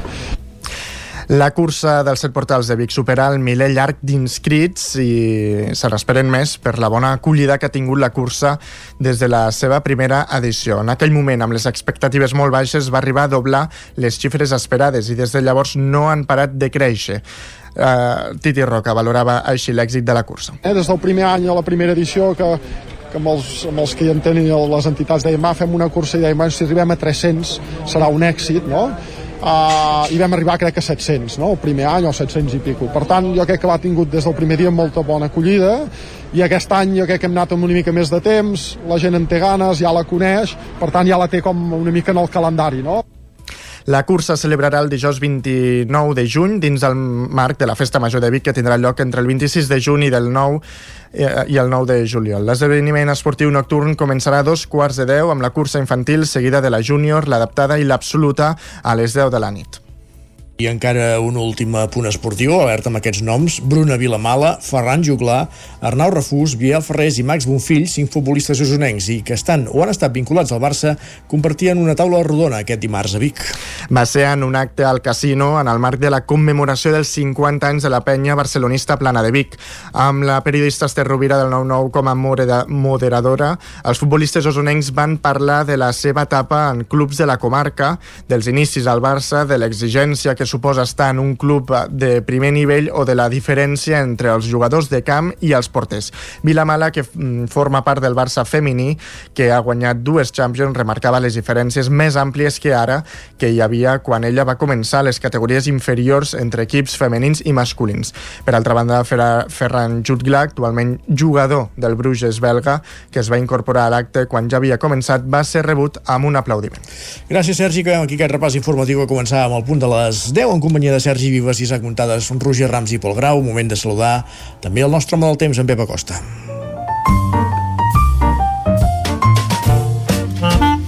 Casa Terradellos us ofereix el temps. Quin temps farà avui, Pep? Benvingut de nou, bon dia. Dia tranquil al matí, eh, pocs núvols. Aquesta nit ens han creuat eh, unes petites tempestes cap a la zona eh, a l'oest de Catalunya, però per casa nostra no, eh? per casa nostra eh, poca cosa, només alguna nuvolada del tot inofensiva. I aquest matí continuarà aquest mateix panorama, eh? amb molta tranquil·litat, eh, sol, aquesta pols, aquesta mala visibilitat i poca eh, cosa més a destacar. De cara a la tarda, de cara a la tarda, sí que avui les nuvolades creixeran una mica més. Creixeran més força, amb més potència, i poden deixar alguna precipitació cap a Osona i sobretot cap al Ripollès. Uh, hi, ha les, hi ha una mica més aire fred i per tant les característiques uh, són uh, més, uh, més a favor d'aquest creixement d'aquestes nuvolades. Uh, deixaran poca precipitació, seran uh, tempestes uh, bastant uh, aïllades, no molt intenses i tampoc no molt extenses. Les temperatures màximes normals per època de l'any, la majoria de valors entre els 28 i els 32 graus. Per tant, eh, un temps estiu, un temps eh, un temps eh, de, de, de preestiu, un temps que és el que toca per aquestes dates. I això és tot, a disfrutar el dia d'avui i a disfrutar de, del sol, de la calor i d'una tempesta cap al Pirineu aquesta tarda. Moltes gràcies, adeu. Doncs ho procurarem, procurarem gaudir-ne. Gràcies, Pep, fins demà. Casa Tarradellas us ha ofert aquest espai. I ara sí, al territori 17, quan passen 3 minuts d'un quart d'onze del matí, ara parlem de sèries. Ja us hem dit que avui hem capgirat de dalt a baix l'escaleta, abans hem fet la secció de cinema que sempre precedeix les recomanacions de sèries, eh, i ara és el torn d'aquestes recomanacions que avui cartell de luxe ens porten l'Isaac Muntades i en Pol Grau. Benvinguts tots dos. Bon dia. Hola, bon dia. Va, quines propostes ens feu? Què, què hem de buscar, què hem de veure aquests dies a les plataformes? Doncs, mireu, si us sembla bé, començo jo. Uh, aquesta setmana, de fet ja fa un, un, algun parell de setmanes que, que la podem trobar a Netflix, aquesta sèrie que es diu Baraja, la firma de l'assassino, uh, d'una sola temporada, és una sèrie autoconclusiva de, de només tres capítols, que vindria a ser un, un documental, no? Uh, seria com una espècie de crims, per, per entendre'ns, eh? de Carles Porta, però, però en castellà per dir-ho d'alguna manera, i està, està bastant ben muntat, parla de la història doncs, de, de l'assassí de la baralla, de la baralla de cartes que doncs, per als voltants de Madrid eh, això va ser principis de, del 2000, 2003 concretament eh, doncs va assassinar una sèrie de persones de forma totalment aleatòria i en el lloc dels assassinats doncs n'hi deixava eh, cartes no? eh, i d'aquí doncs eh, es van fer un munt de teories periodístiques de què volia dir tot això i, i tal i una mica doncs, la història de, de, dels assassinats, de qui assassinava i de com van, van aconseguir també uh, atrapar-lo i sí, que, que també és, és interessant no? s'explica una mica podem explicar-ho perquè és una història que s'ha explicat molt de temps, eh? que, que l'home es va acabar presentant begut a la comissaria dient que era ell l'assassí i, i realment doncs bé, és una manera bastant eh, trista d'acabar en certa manera, no? Perquè eh, està bé, perquè el van poder atrapar, però realment si no hagués passat això segurament hagués continuat uh, matant i assassinant perquè realment ho feia sang freda. Si no recordo malament va deixar sis víctimes, crec, i en va ferir un parell o tres més, per tant realment un assassí despietat i bàsicament això, eh? es parla doncs de de, de, el primer capítol, per dir-ho d'alguna manera, seria el, els assassinats, no? explica una mica els assassinats, el segon ja és intentar doncs, buscar aquest assassí, perquè hi havia testimonis que, que van quedar vius d'algun dels atacs que van poder doncs, fer alguna espècie de retat robot i a partir de l'arma que utilitzava, que era una arma uh, una arma russa, una Tokarev, que no era habitual, per tant a partir d'aquí van, van tirar el fil i després en el tercer capítol doncs, es parla una mica del, del judici també, de tota la pressió mediàtica que hi havia i fins i tot es va arribar a posar sobre la taula si hi havia més d'un assassí, que en aquest cas doncs bé, mireu i veureu aviam quina, quines conclusions en traieu però és una sèrie que està, que està bastant bé eh? són, són capítols els dos primers que duren tres quarts d'hora, el tercer sí que ja dura una hora però realment si teniu temps en una tarda ho podeu, ho podeu mirar i realment eh, és una sèrie que, que està bé i ja us dic, és com una espècie de crims a, a l'espanyola, sense en Carles Porta però també segurament algunes cares conegudes de la gent que estigui més avasada mirar doncs eh, programes així d'actualitat d'altres televisions espanyoles doncs segurament coneixereu, coneixereu gent doncs, déu nhi el, uh, Alfredo Galán Sotillo, que és aquest sí, assassino de, de la baraja que matava les víctimes amb una pistola, de fet. Eh? Vull que amb una pistola, exacte. Mm, amb una Tokarev, aquesta pistola exacte. Vull que russa, era... i, i, i, i a boca de canó i a sang freda i, i sense cap motiu. Uh -huh condemnat a 140 anys de, de presó. déu nhi Doncs ja té la seva sèrie a Netflix, El seu crims, com bé ens deia ara l'Isaac, i és la recomanació que ens feies avui. Pol, què més podem veure, va? Abans de fer la recomanació, no sé si seguieu també el, la, heu vist la pel·li de, de Zodiac, de l'assassino del Zodíaco, dels Estats Units dels anys 70, que va fer bastant famós. Sí, era algo semblant, eh? També. No el van atrapar, no, aquest, em sembla. Aquest, doncs, fa unes setmanes va sortir que no, saben qui és, però ja està mort el noi. Ah, carai. Ah. El senyor, però es veu que ja l'han descobert qui és. Es veu que era un exmilitar que tenien, que no sé què. Doncs, també hi havia la teoria de que no van dir qui era, perquè com que era un exmilitar i per no comprometre ni res, però es veu que s'ha trobat qui, qui és. Ja I es veu, amb, amb el nom i tot, fent les pistes que va deixar, a concorda. O sigui, pot ser el real. El que no hem trobat cap declaració d'ell que hagués deixat abans de marxar, eh? Abans de... No. De... Molt bé. Uh, la recomanació que us porto es va estrenar justament ahir. Ja. És la nova sèrie de Marvel, la d'Invasió Secreta, on és una espècie d'expediente X, per dir-ho així, on ens parla d'una raça alienígena Skrulls que porta infiltrada a la Terra durant bastant de temps i que es, fa, es suplanta les identitats de les persones fent passant-se per ells mateixos amb l'escanvia de pell i ens parla de... volen crear una guerra en el món així entre Amèrica i Rússia per conquistar la Terra i quedar-se ells mateixos amb, la, amb el planeta Terra. I és una miqueta també de, així d'espies, de thriller misteri, on el personatge principal és el Nick Fury, que és el que va crear els Vengadores i tot aquest, aquest rotllo. I eh, res, són sis capítols, de diuen, no sé quants hi hauran, però es va estrenar ahir el primer i dura uns 50-60 minuts. I més o menys doncs, cada, cada dimecres tindrem l'estrena d'aquest un, un capítol per setmana que podrem anar veient. També Netflix? A Disney Plus. A Disney Plus, molt bé. Doncs les dues propostes que, que ens feia l'Isaac, la Baraja, la firma de l'assassino i Invasió en secret, aquesta nova proposta de, de Marvel que podem trobar a Disney Plus i que ens recomanava en Pol, la de la Baraja a Netflix, eh, deies Isaac. Sí, ah, exacte, a Netflix. Estàs començant, esteu començant a veure alguna cosa més aquests dies, ja passades les eleccions tenim una mica més de temps o com, com està la cosa? Sí, sí, i, i la setmana que us en parlaré, eh? he començat a veure una sèrie que, que ja, és, en certa manera ara hi ha hagut una segona temporada i, i però es va estrenar el 2019 i ara la segona temporada em sembla que és més recent, que és La Caza, que és una sèrie espanyola uh, que passa doncs a, al Pirineu Aragonès vull dir, és policia que bàsicament i, i, i he començat a veure això tres, tres capítolets. Uh, són dues temporades, em sembla que cada una té vuit capítols, però estem allà en procés a veure què, què tal. Suposo que us la recomanaré perquè aquest augment té bona pinta, però, però bé. Jo vaig, jo vaig començar, bueno, vaig descobrir que es va fer l'any passat una sèrie sobre com es va crear el Padrino sí. a Sky Show i aquesta nova, aquesta nova plataforma, sí. de com es va escriure i com va començar la producció i preproducció d'aquesta gran pel·li.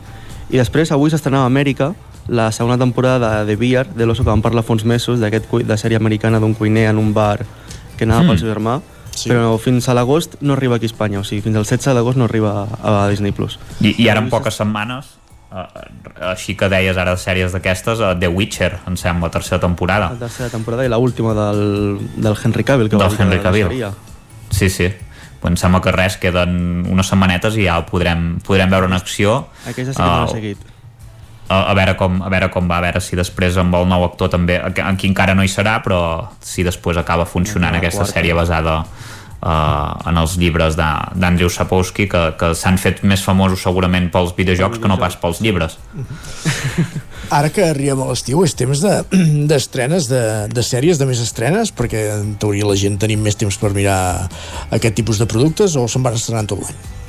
No, hauria de ser així, però em sembla que hi ha com una vaga de, de productors o no vaga sé què passa als estats... Ja. Sí, de guionistes. O, o, o... Totes les sèries que estaven com preproduint i fent-se com s'han parat i hmm. no hi ha ninguna sèrie preproduint-se ni fent-se per la vegada ara, guionistes. Ah, clar, les que estan fetes ja cap problema, però les que teòricament estaven en procés com Stranger Things, que potser seria una de sí. les grans, doncs eh, veurem si s'acaba endarrerint més, més temps del, del previst. Mm, no ho sé, ara mateix... Teni, tenint en compte aquest horitzó, que hi haurà sequeres, segurament també el que fan és dosificar-les, les que ja tenen. Exacte. Per tant, sí. Suposo que sí, que deuen, deuen fer això que tu dius.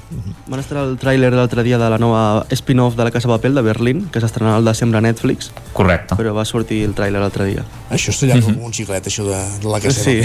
sí, bueno, és com jo, Juego de Tronos. Igual. Exactament sí, el mateix. Un spin-off per personatge ara faran. Exacte. Pol, Isaac, moltes gràcies. Isaac, no marxis gaire lluny, que tenim una darrera mitja hora tapaïda també des de la veu de Sant Joan. Sí, eh? Va. fem marató avui. Va. Gràcies, Pol. Fins demà. Fins demà. Nosaltres que avancem, com dèiem, al territori 17, de seguida tornarem a la veu de Sant Joan per parlar amb el president del Consell Comarcal en funcions del Ripollès, Joaquim Colomer, regidor de l'Ajuntament de Ripoll, i després a, a la, anirem fins a la, a la Foc Pausa i tornem. El nou FM, la ràdio de casa, al 92.8. Per moure't, lloga un cotxe ALR. Per moure la família, lloga un minibús ALR. Per moure coses, lloga una furgoneta ALR. Per moure la casa, lloga un camió ALR. Lloguer de cotxes, furgonetes i camions ALR. Ens trobaràs al carrer Francesc Sant Climent 83 de Vic i també a Olot i Manresa. Informa't en el 93 888 60 57 o bé consulta el web alr.cat. A Bailen sabem que quan té una avaria a la seva caldera vol una solució ràpida. Truqui al servei tècnic oficial Bailen i els nostres tècnics vindran ràpidament a solucionar-li el problema. A més, si canvieu ara la caldera, us regalem fins a 250 euros. Truqueu al 910 77 88 77 o entreu a bailen.es. Si tens pensat canviar la caldera o posar aire condicionat, posa't en mans a Pradell. Tenen les millors ofertes. Pradell instal·la calderes de biomassa, calderes de condensació, aire condicionat tant per a particulars com per a empreses.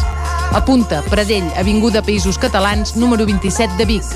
Telèfon 93 885 11 97. Repetim, 93 885 11 97. Davant l'escassetat hídrica, Fem un consum responsable de l'aigua, perquè cada gota que estalviem serà una gota més per al planeta. No et quedis sec. Tanca l'aixeta. Akbar amb tu.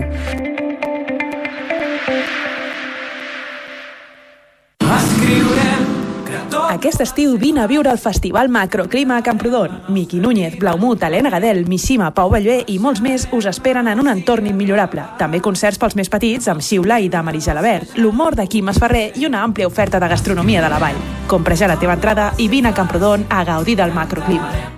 Ser a prop vol dir veure les coses més bé. Apropa't al que t'interessa amb la xarxa Més. La teva plataforma audiovisual de qualitat, proximitat i gratuïta. Gaudeix dels continguts de més de 30 televisions locals i podcast quan, com i on tu vulguis.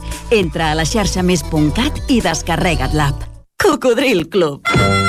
Si t'agrada la bona música dels anys 60, 70 i 80, escolta el 9 FM als matins de dissabtes i diumenges d'11 a 1.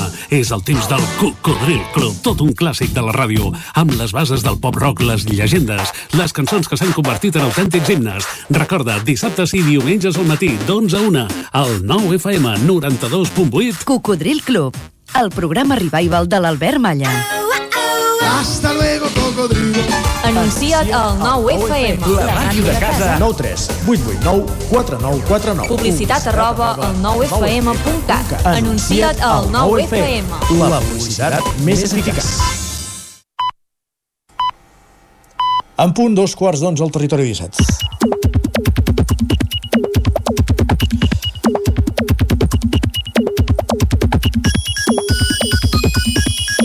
I a dos quarts d'onze és moment d'endinsar-nos al món de Twitter, de repassar les pilades més destacades que ha trobat a la xarxa la Natàlia Peix. Benvinguda de nou, Hola, bon dia. bon dia. Què tal?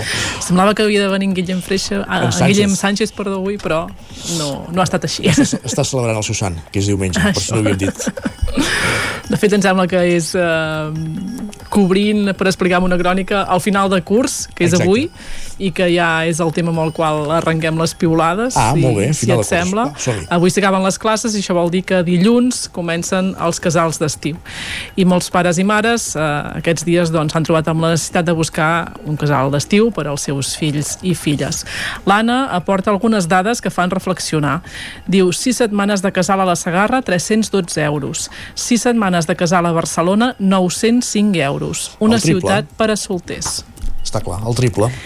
Tot i així, eh, la conclusió que n'extreu ella hi ha algú que li rebat, perquè li diu els solters no poden ni pagar-se un pis a Barcelona, i sí a la Sagarra.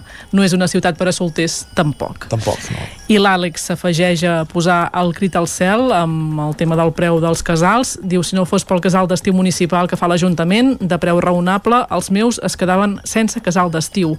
Els casals privats a partir de 120 euros la setmana sense menjador. Déu nhi l'altre, un altre tema, un altre debat. Exacte. De les famílies aquests dies. Tot i així, hi ha qui té records, bons records, no?, de, de fa uns anys, dels passar els estius, això, entre el casal, les vacances, la, La piscina. etc etc. És el cas d'en Martí, els dies d'estiu, que al sortir del casal, després d'un matí xulíssim, anaves a casa a dinar, feies una voltareta al sofà i et posaves a mirar els dibuixos. Era un altre nivell de felicitat. Un altre nivell, sí, sí. El que toca cada franja d'edat, de fet, no? Exacte.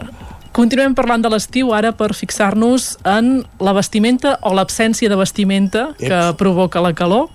L'Andreu ens diu, ve l'estiu i us veig despistats. La samarreta us la traieu per anar a la platja, piscina i per dormir. És molt important menjar amb la samarreta posada si mengeu acompanyats i a cap festival us la podeu treure. Al sonar ho vaig passar malament. Perquè de la gent que anava sense samarreta. Exacte. Carai. Una altra usuària que comenta temes de complements, de, en aquest cas de sabates, primer dia amb sandàlies de plataforma i només dues torçades de peu. Ànims. Enhorabona. I ara eh, un altre eh, tuit vinculat a això, a l'estiu i a coses que potser poden estranyar actituds o maneres de fer. Vull ser la senyora que està prenent el sol en banyador al parc. Tampoc està prohibit. no, no, evidentment. Una altra aportació, jo no sé per què li, se li diu operació biquini si és molt més difícil entrar al banyador de cos sencer. En- doncs amb això banyador. segurament, segurament té raó. Exacte. Una altra gran pregunta que es fa a la Gemma. Això dels calçotets sota el banyador, quan s'acabarà? Calçotet sota el banyador. Mare de Déu, senyor. Sobretot entre la població adolescent, crec que és una, És una moda. una moda, una sí. tendència, d'acord. Tornem al tema que ens ocupava sobretot ahir, el de la rebella i els petards. L'Ignasi, l'Ignasi Camps, el cuiner, està content. Diu a poc de la rebella i no s'escolten els esclats dels petards. Tenim sort. Doncs vinga, segurament aquestes últimes hores, no? Fins Ahir- demà ahir- ja, ja ens s'animaran. Jo en sento pocs, eh? però ahir, eh, davant de casa em va esclatar una a tres quarts de dotze de la nit. Ja et pots imaginar que li hagués fet esclatar jo el Que va fer petard. poca gràcia, eh? Exacte.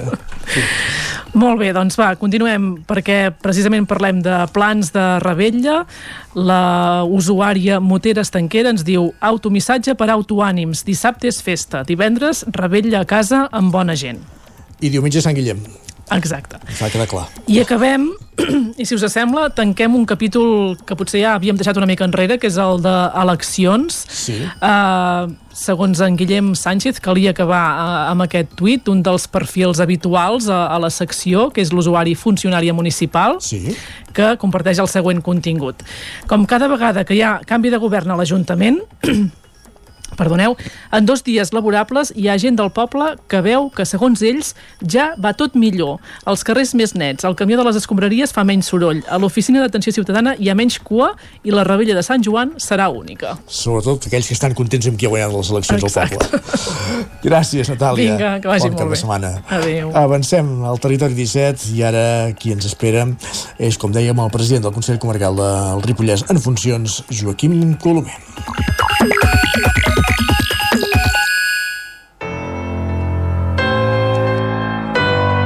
Territori, Territori 17. 17. Territori 17.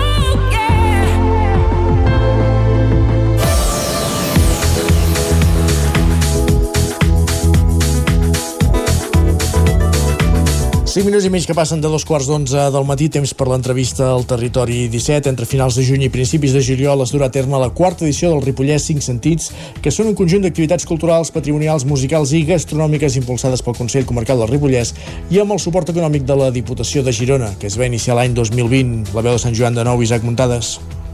Bon dia, Isaac. Doncs sí, i per parlar-ne tenim el president del Consell Comarcal del Ripollès en funcions, Joaquim Colomer, que ens donarà tots els detalls d'aquest festival que arriba al seu clímax en aquesta quarta edició. Bon dia, Joaquim, i moltes gràcies per atendre'ns al Territori 17 un cop més. Molt bon dia, Isaac. Uh, primer de tot, Joaquim, hem de dir que el festival neix en plena pandèmia. Per què això i, i què suposa? Perquè entenc que en el seu moment va portar uns beneficis, no?, de, de néixer en un moment tan, tan complicat. Doncs bàsicament, Isaac, m'agrada que em facis aquesta pregunta perquè eh, va ser justament en, aquest, en aquesta època, recordem doncs, que el sector cultural, eh, els productors, eh, tot aquest sector serveis ho estava passant malament, se'ls estaven anul·lant les reserves, s'estaven quedant amb una incertesa, sobretot eh, el que fa al Ripollès i Cerdanya, recordem amb aquell tancament perimetral que vàrem tindre, eh, etc.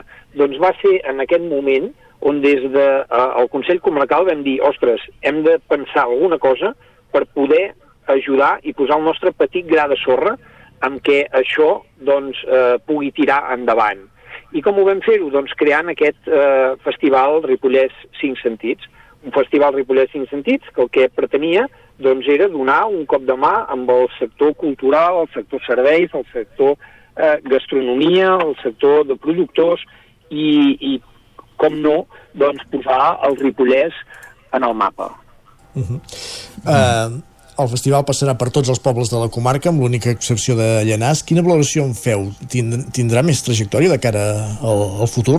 Suposo que això és difícil de predir, tenint en compte uh -huh. uh, que, que, que hi haurà canvi de govern al Consell Comarcal, però vaja, quina seria la, la voluntat? Doncs bé, eh, jo crec que aquest festival ha sigut un èxit. Eh, tots els municipis, és dir, dels 19 municipis de la comarca hem anat a 18, els 18 han estat encantadíssims de poder-lo tenir, és un festival doncs, que eh, tothom ha dit que voldria repetir i, i que tant veïns com càrrecs electes com eh, diguem-ne segones residències, etc doncs s'han acollit molt bé. Uh, i per tant jo crec que uh, hauria d'haver-hi una continuïtat. Si més no, nosaltres haurem deixat la llavor plantada, haurem fet la part difícil, que és crear-lo uh, mm. i ara uh, tocaria doncs, uh, si uh, el que ve darrere meu doncs ho trobo oportú, és mantenir uh, aquesta flama, una flama que beneficia a, a la cultura, a, a, als serveis, a la gastronomia, a la marca producte del Ripollès, etc etc. -hmm. Enguany, Joaquim passarà per, per tres poblacions, Can de Bànol, Ripoll i Ribes de Freser. De fet, aquest diumenge ja ja anem a Can de Bànol. Què hi podrem veure a Can de Bànol en aquest inici del festival? Doncs bé, de Bànol, com bé dius, serà aquest eh, 25 eh, de juny i començarem doncs, amb les, a les 17.00 hores eh, concretament amb una caminada per la història i les tradicions eh, a Sant Llorenç de Can de Bànol, aquest eh, fantàstic eh, diguem-ne, aquesta fantàstica església en la qual doncs, tindrem un dia, un dia excepcional doncs, que ens farà doncs, aquest guiatge eh, per la història doncs, d'aquest antic municipi i de la seva església.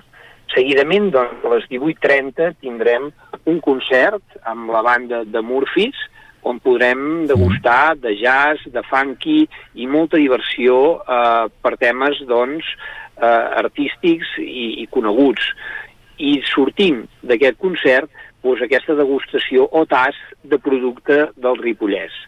Eh, tot això, doncs, 100% gratuït, només cal fer reserva prèvia. Estem parlant del Festival Cinc Sentits, ara parlàvem de les activitats que es faran a, a Can de Bànol, després vindrà Ripoll, què, què, què s'hi farà? Doncs bé, a Ripoll seguirem el mateix format, serà el dia 1 de juliol, a les 17.00 hores tindrem aquest llegat i memòria eh, gastronomia antiga i supervivència en temps de guerra. Eh, bàsicament doncs, es farà una visita al refugi antiaeri i eh, s'explicarà doncs, els relats sobre la gastronomia d'aquell temps, amb les dificultats doncs, que, que devien passar tota aquella gent en temps de, de guerra i creiem doncs, que serà una visita excepcional.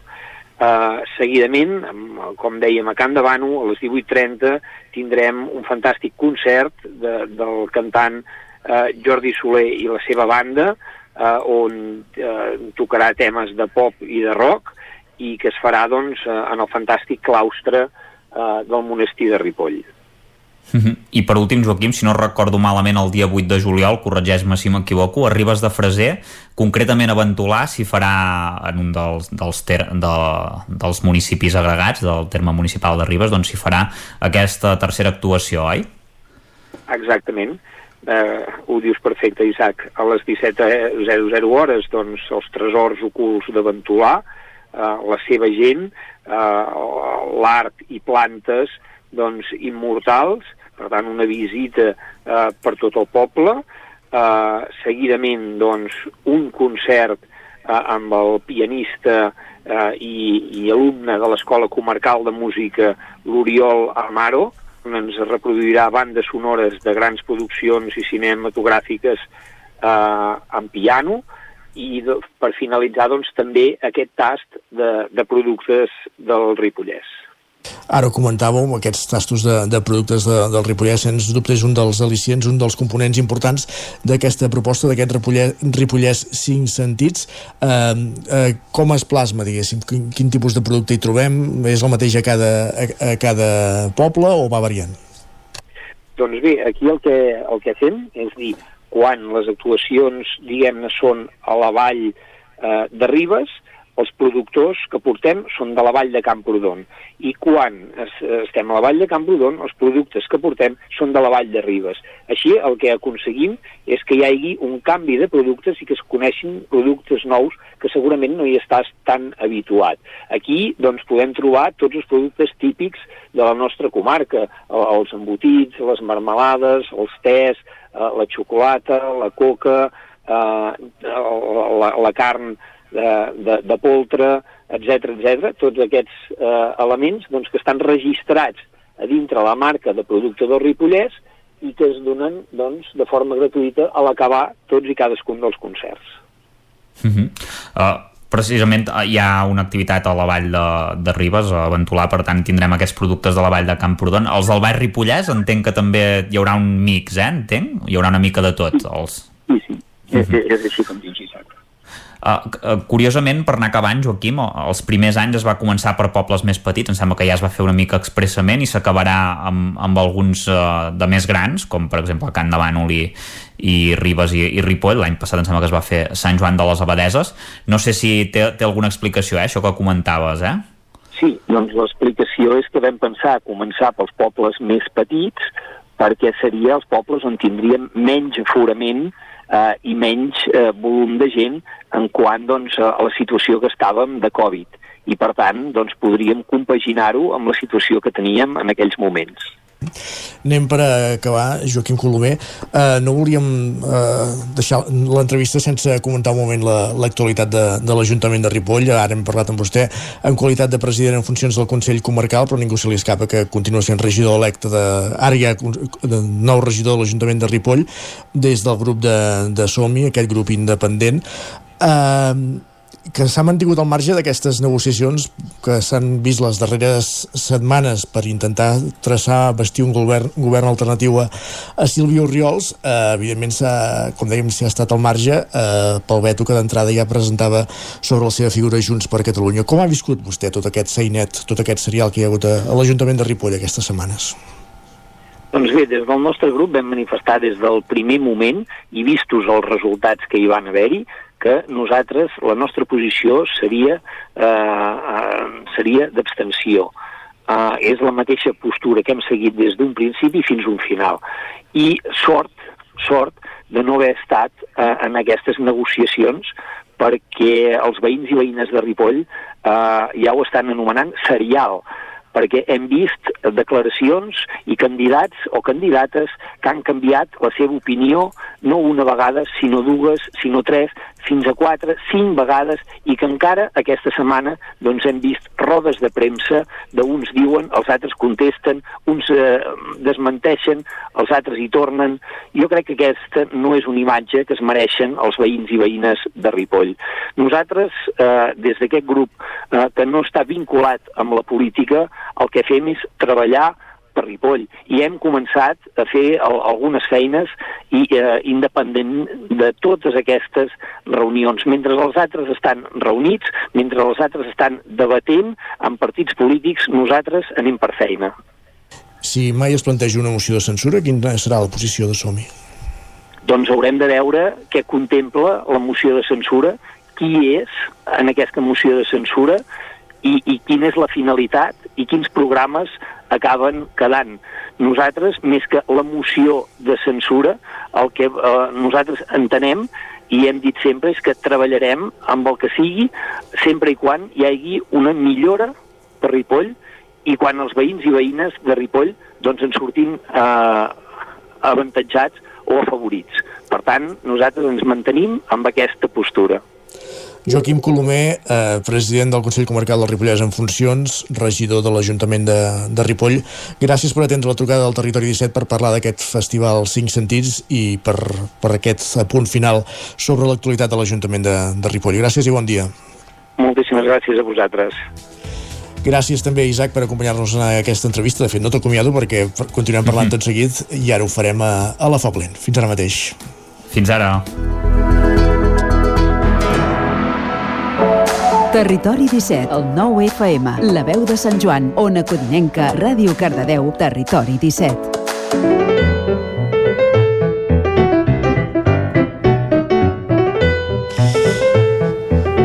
Doncs si el Festival 5 Sentits un dels elements clau és la, el producte del Ripollès, el que fem tot seguit és parlar de producte. A la Foc Lent avui irem cap a la part nord-est del Ripollès, al terme municipal de Molló, concretament al veïnat de Ginestosa, per parlar de Can Pastoret, que és una masia de muntanya dedicada a la producció agrícola i ramadera ecològica, la gestió forestal i l'ecoturisme, Isaac.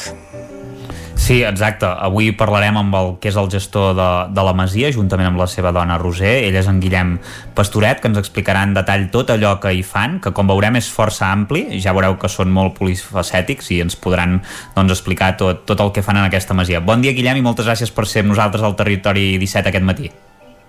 Hola, bon dia. Moltes gràcies a vosaltres per l'interès. Uh, hem dit que toqueu forces pals. Uh, comencem per allò que veneu, principalment uh, comercialitzeu vedella. No sé quants caps de bestiar teniu aquí uh, a la zona de, de, del veïnat de Ginestós on teniu doncs, la vostra explotació. Si teniu una bona zona per pasturar, entenc que, que sí, que és envejable. I, I parla'm concretament de la vedella rosada que feu, perquè em sembla que és força curiós, no, això?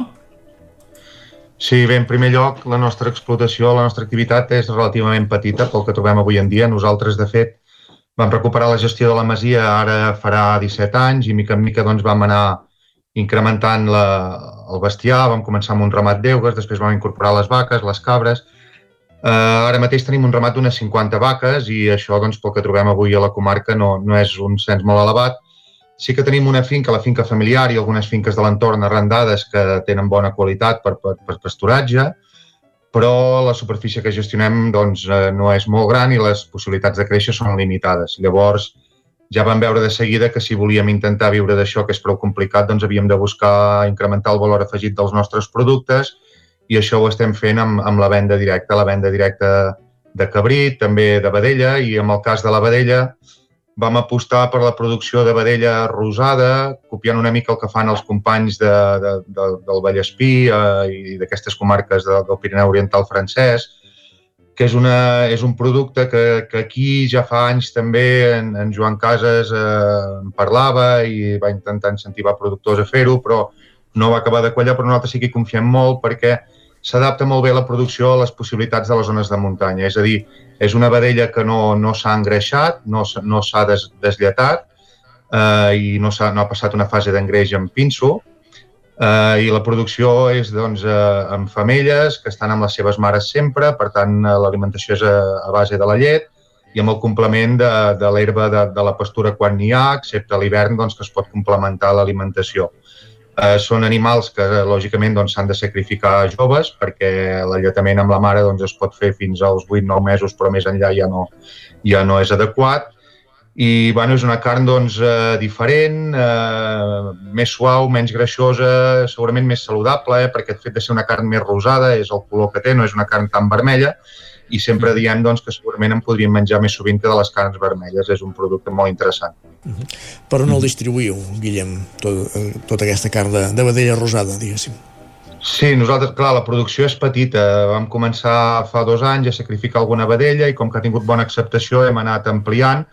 Eh, nosaltres eh, comercialitzem cada dos mesos aproximadament, fem venda directa a famílies, podríem dir, que això fem entrega a domicili per tot Catalunya, i fem venda també a, a restaurants d'aquí de, de la Vall de Camprodon, que se'ns queden alguna, alguna peça, i finalment també algunes peces que costen més de sortir, doncs aprofitem que nosaltres tenim l'aula rural a Camp Pastoret, fem visites i fem tastos i les cuinem i les servim nosaltres allà i així podem aprofitar totes les peces de, de cada canal.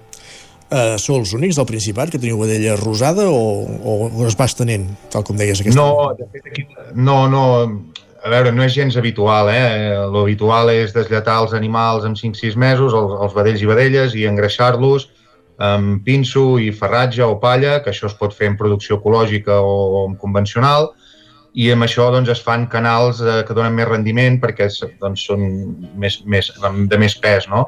Eh, sí que hi havia aquí a la comarca doncs, en Ramon Cormines, que també treballava la vedella rosada, i, però no, no, no és massa habitual. Eh? Segurament avui en dia doncs, costaria de trobar-ne d'aquest tipus de producte. Mm -hmm. També teniu cap... Éreu... Perdó, perdó sí. Jack, digues. No, no, hem, hem, aprofitant això que hem dit que, que éreu polifacètics, això eh, que comentava l'Isaac ara, també teniu cabres, però a més a més, a part de cabres, eh, eugues per, per carn de poltre, vull dir, eh, a part de vaques, eh, és curiós, no?, eh, fer, doncs, eh, aquest complement, que tingueu eh, tants caps de bestiar diferents? Sí, bueno, sempre hem apostat per la diversificació. De fet, nosaltres vam començar amb les eugues. Fa 17 anys vam començar amb un, amb un petit ramat d'eugues que va adquirir el meu pare. Va ser quan vam recuperar la gestió de la masia, que fins llavors estava arrendada en un veí, i vam començar doncs, a recuperar les terres, a anar, anar, anar desbrossant, fent recuperació de pastures, vam anar creixent amb les eugues, i sí, sempre hi hem confiat molt amb la carn de poltre. L'any 2006, amb en Joan Moret i amb l'associació de, de, de productors d'eugues de, d'aquí de, del Ripollès doncs, vam començar també la promoció i comercialització de carn de poltre i la veritat que, que va ser un èxit i avui doncs, encara s'està fent, que es va poder recuperar aquest producte d'aquí local i tradicional i de molta qualitat. Per tant, eh, sí, hem apostat per aquesta diversificació i per tenir doncs, diferents productes de, de màxima qualitat i de producció local per poder fer una oferta variada.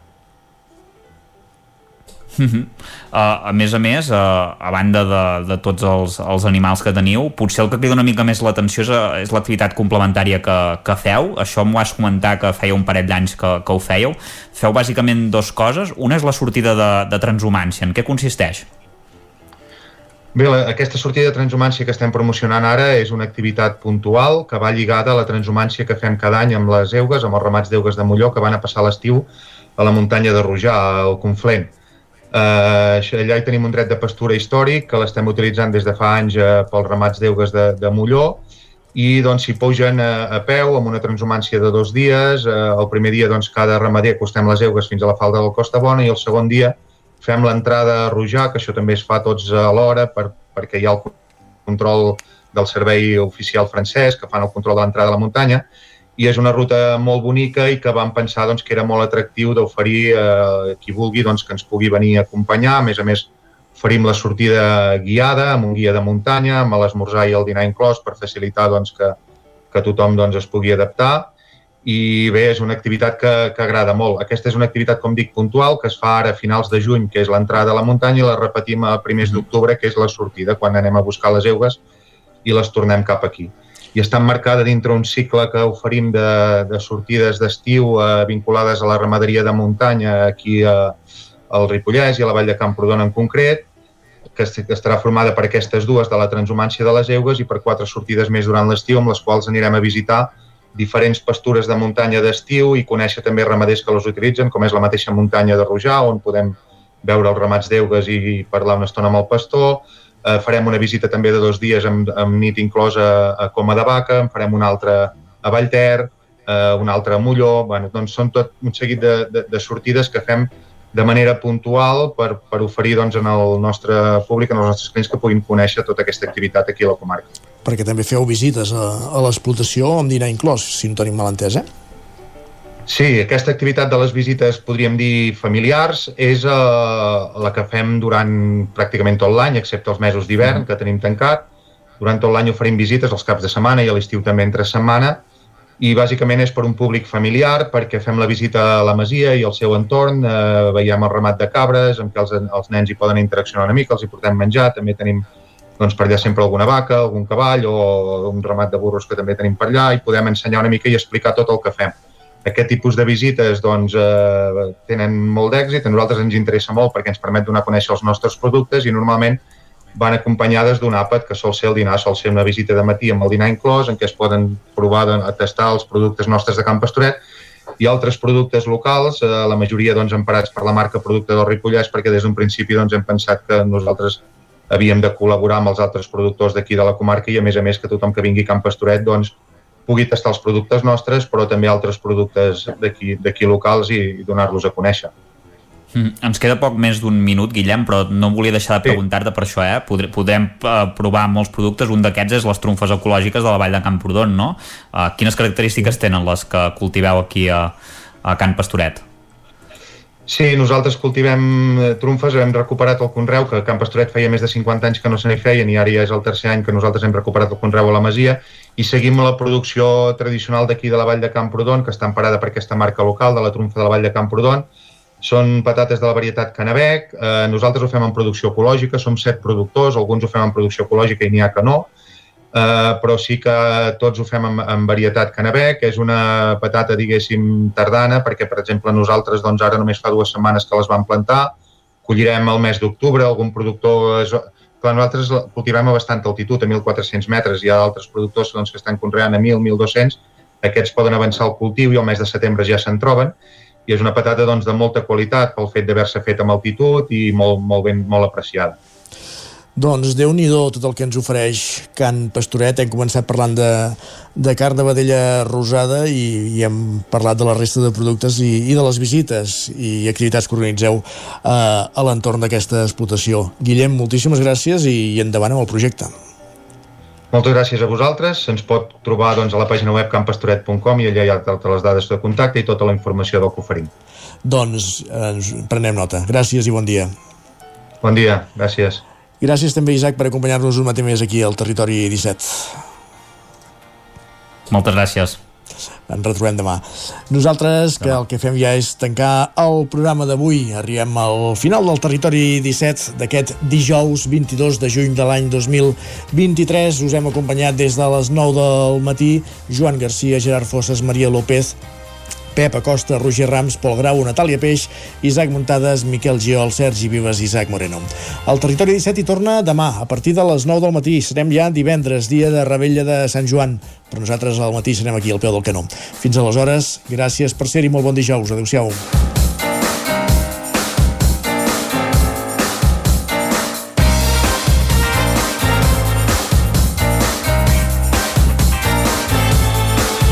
Territori 17 un magazín del nou FM. La veu de Sant Joan, Ona Codinenca i Ràdio Cardedeu amb el suport de la xarxa.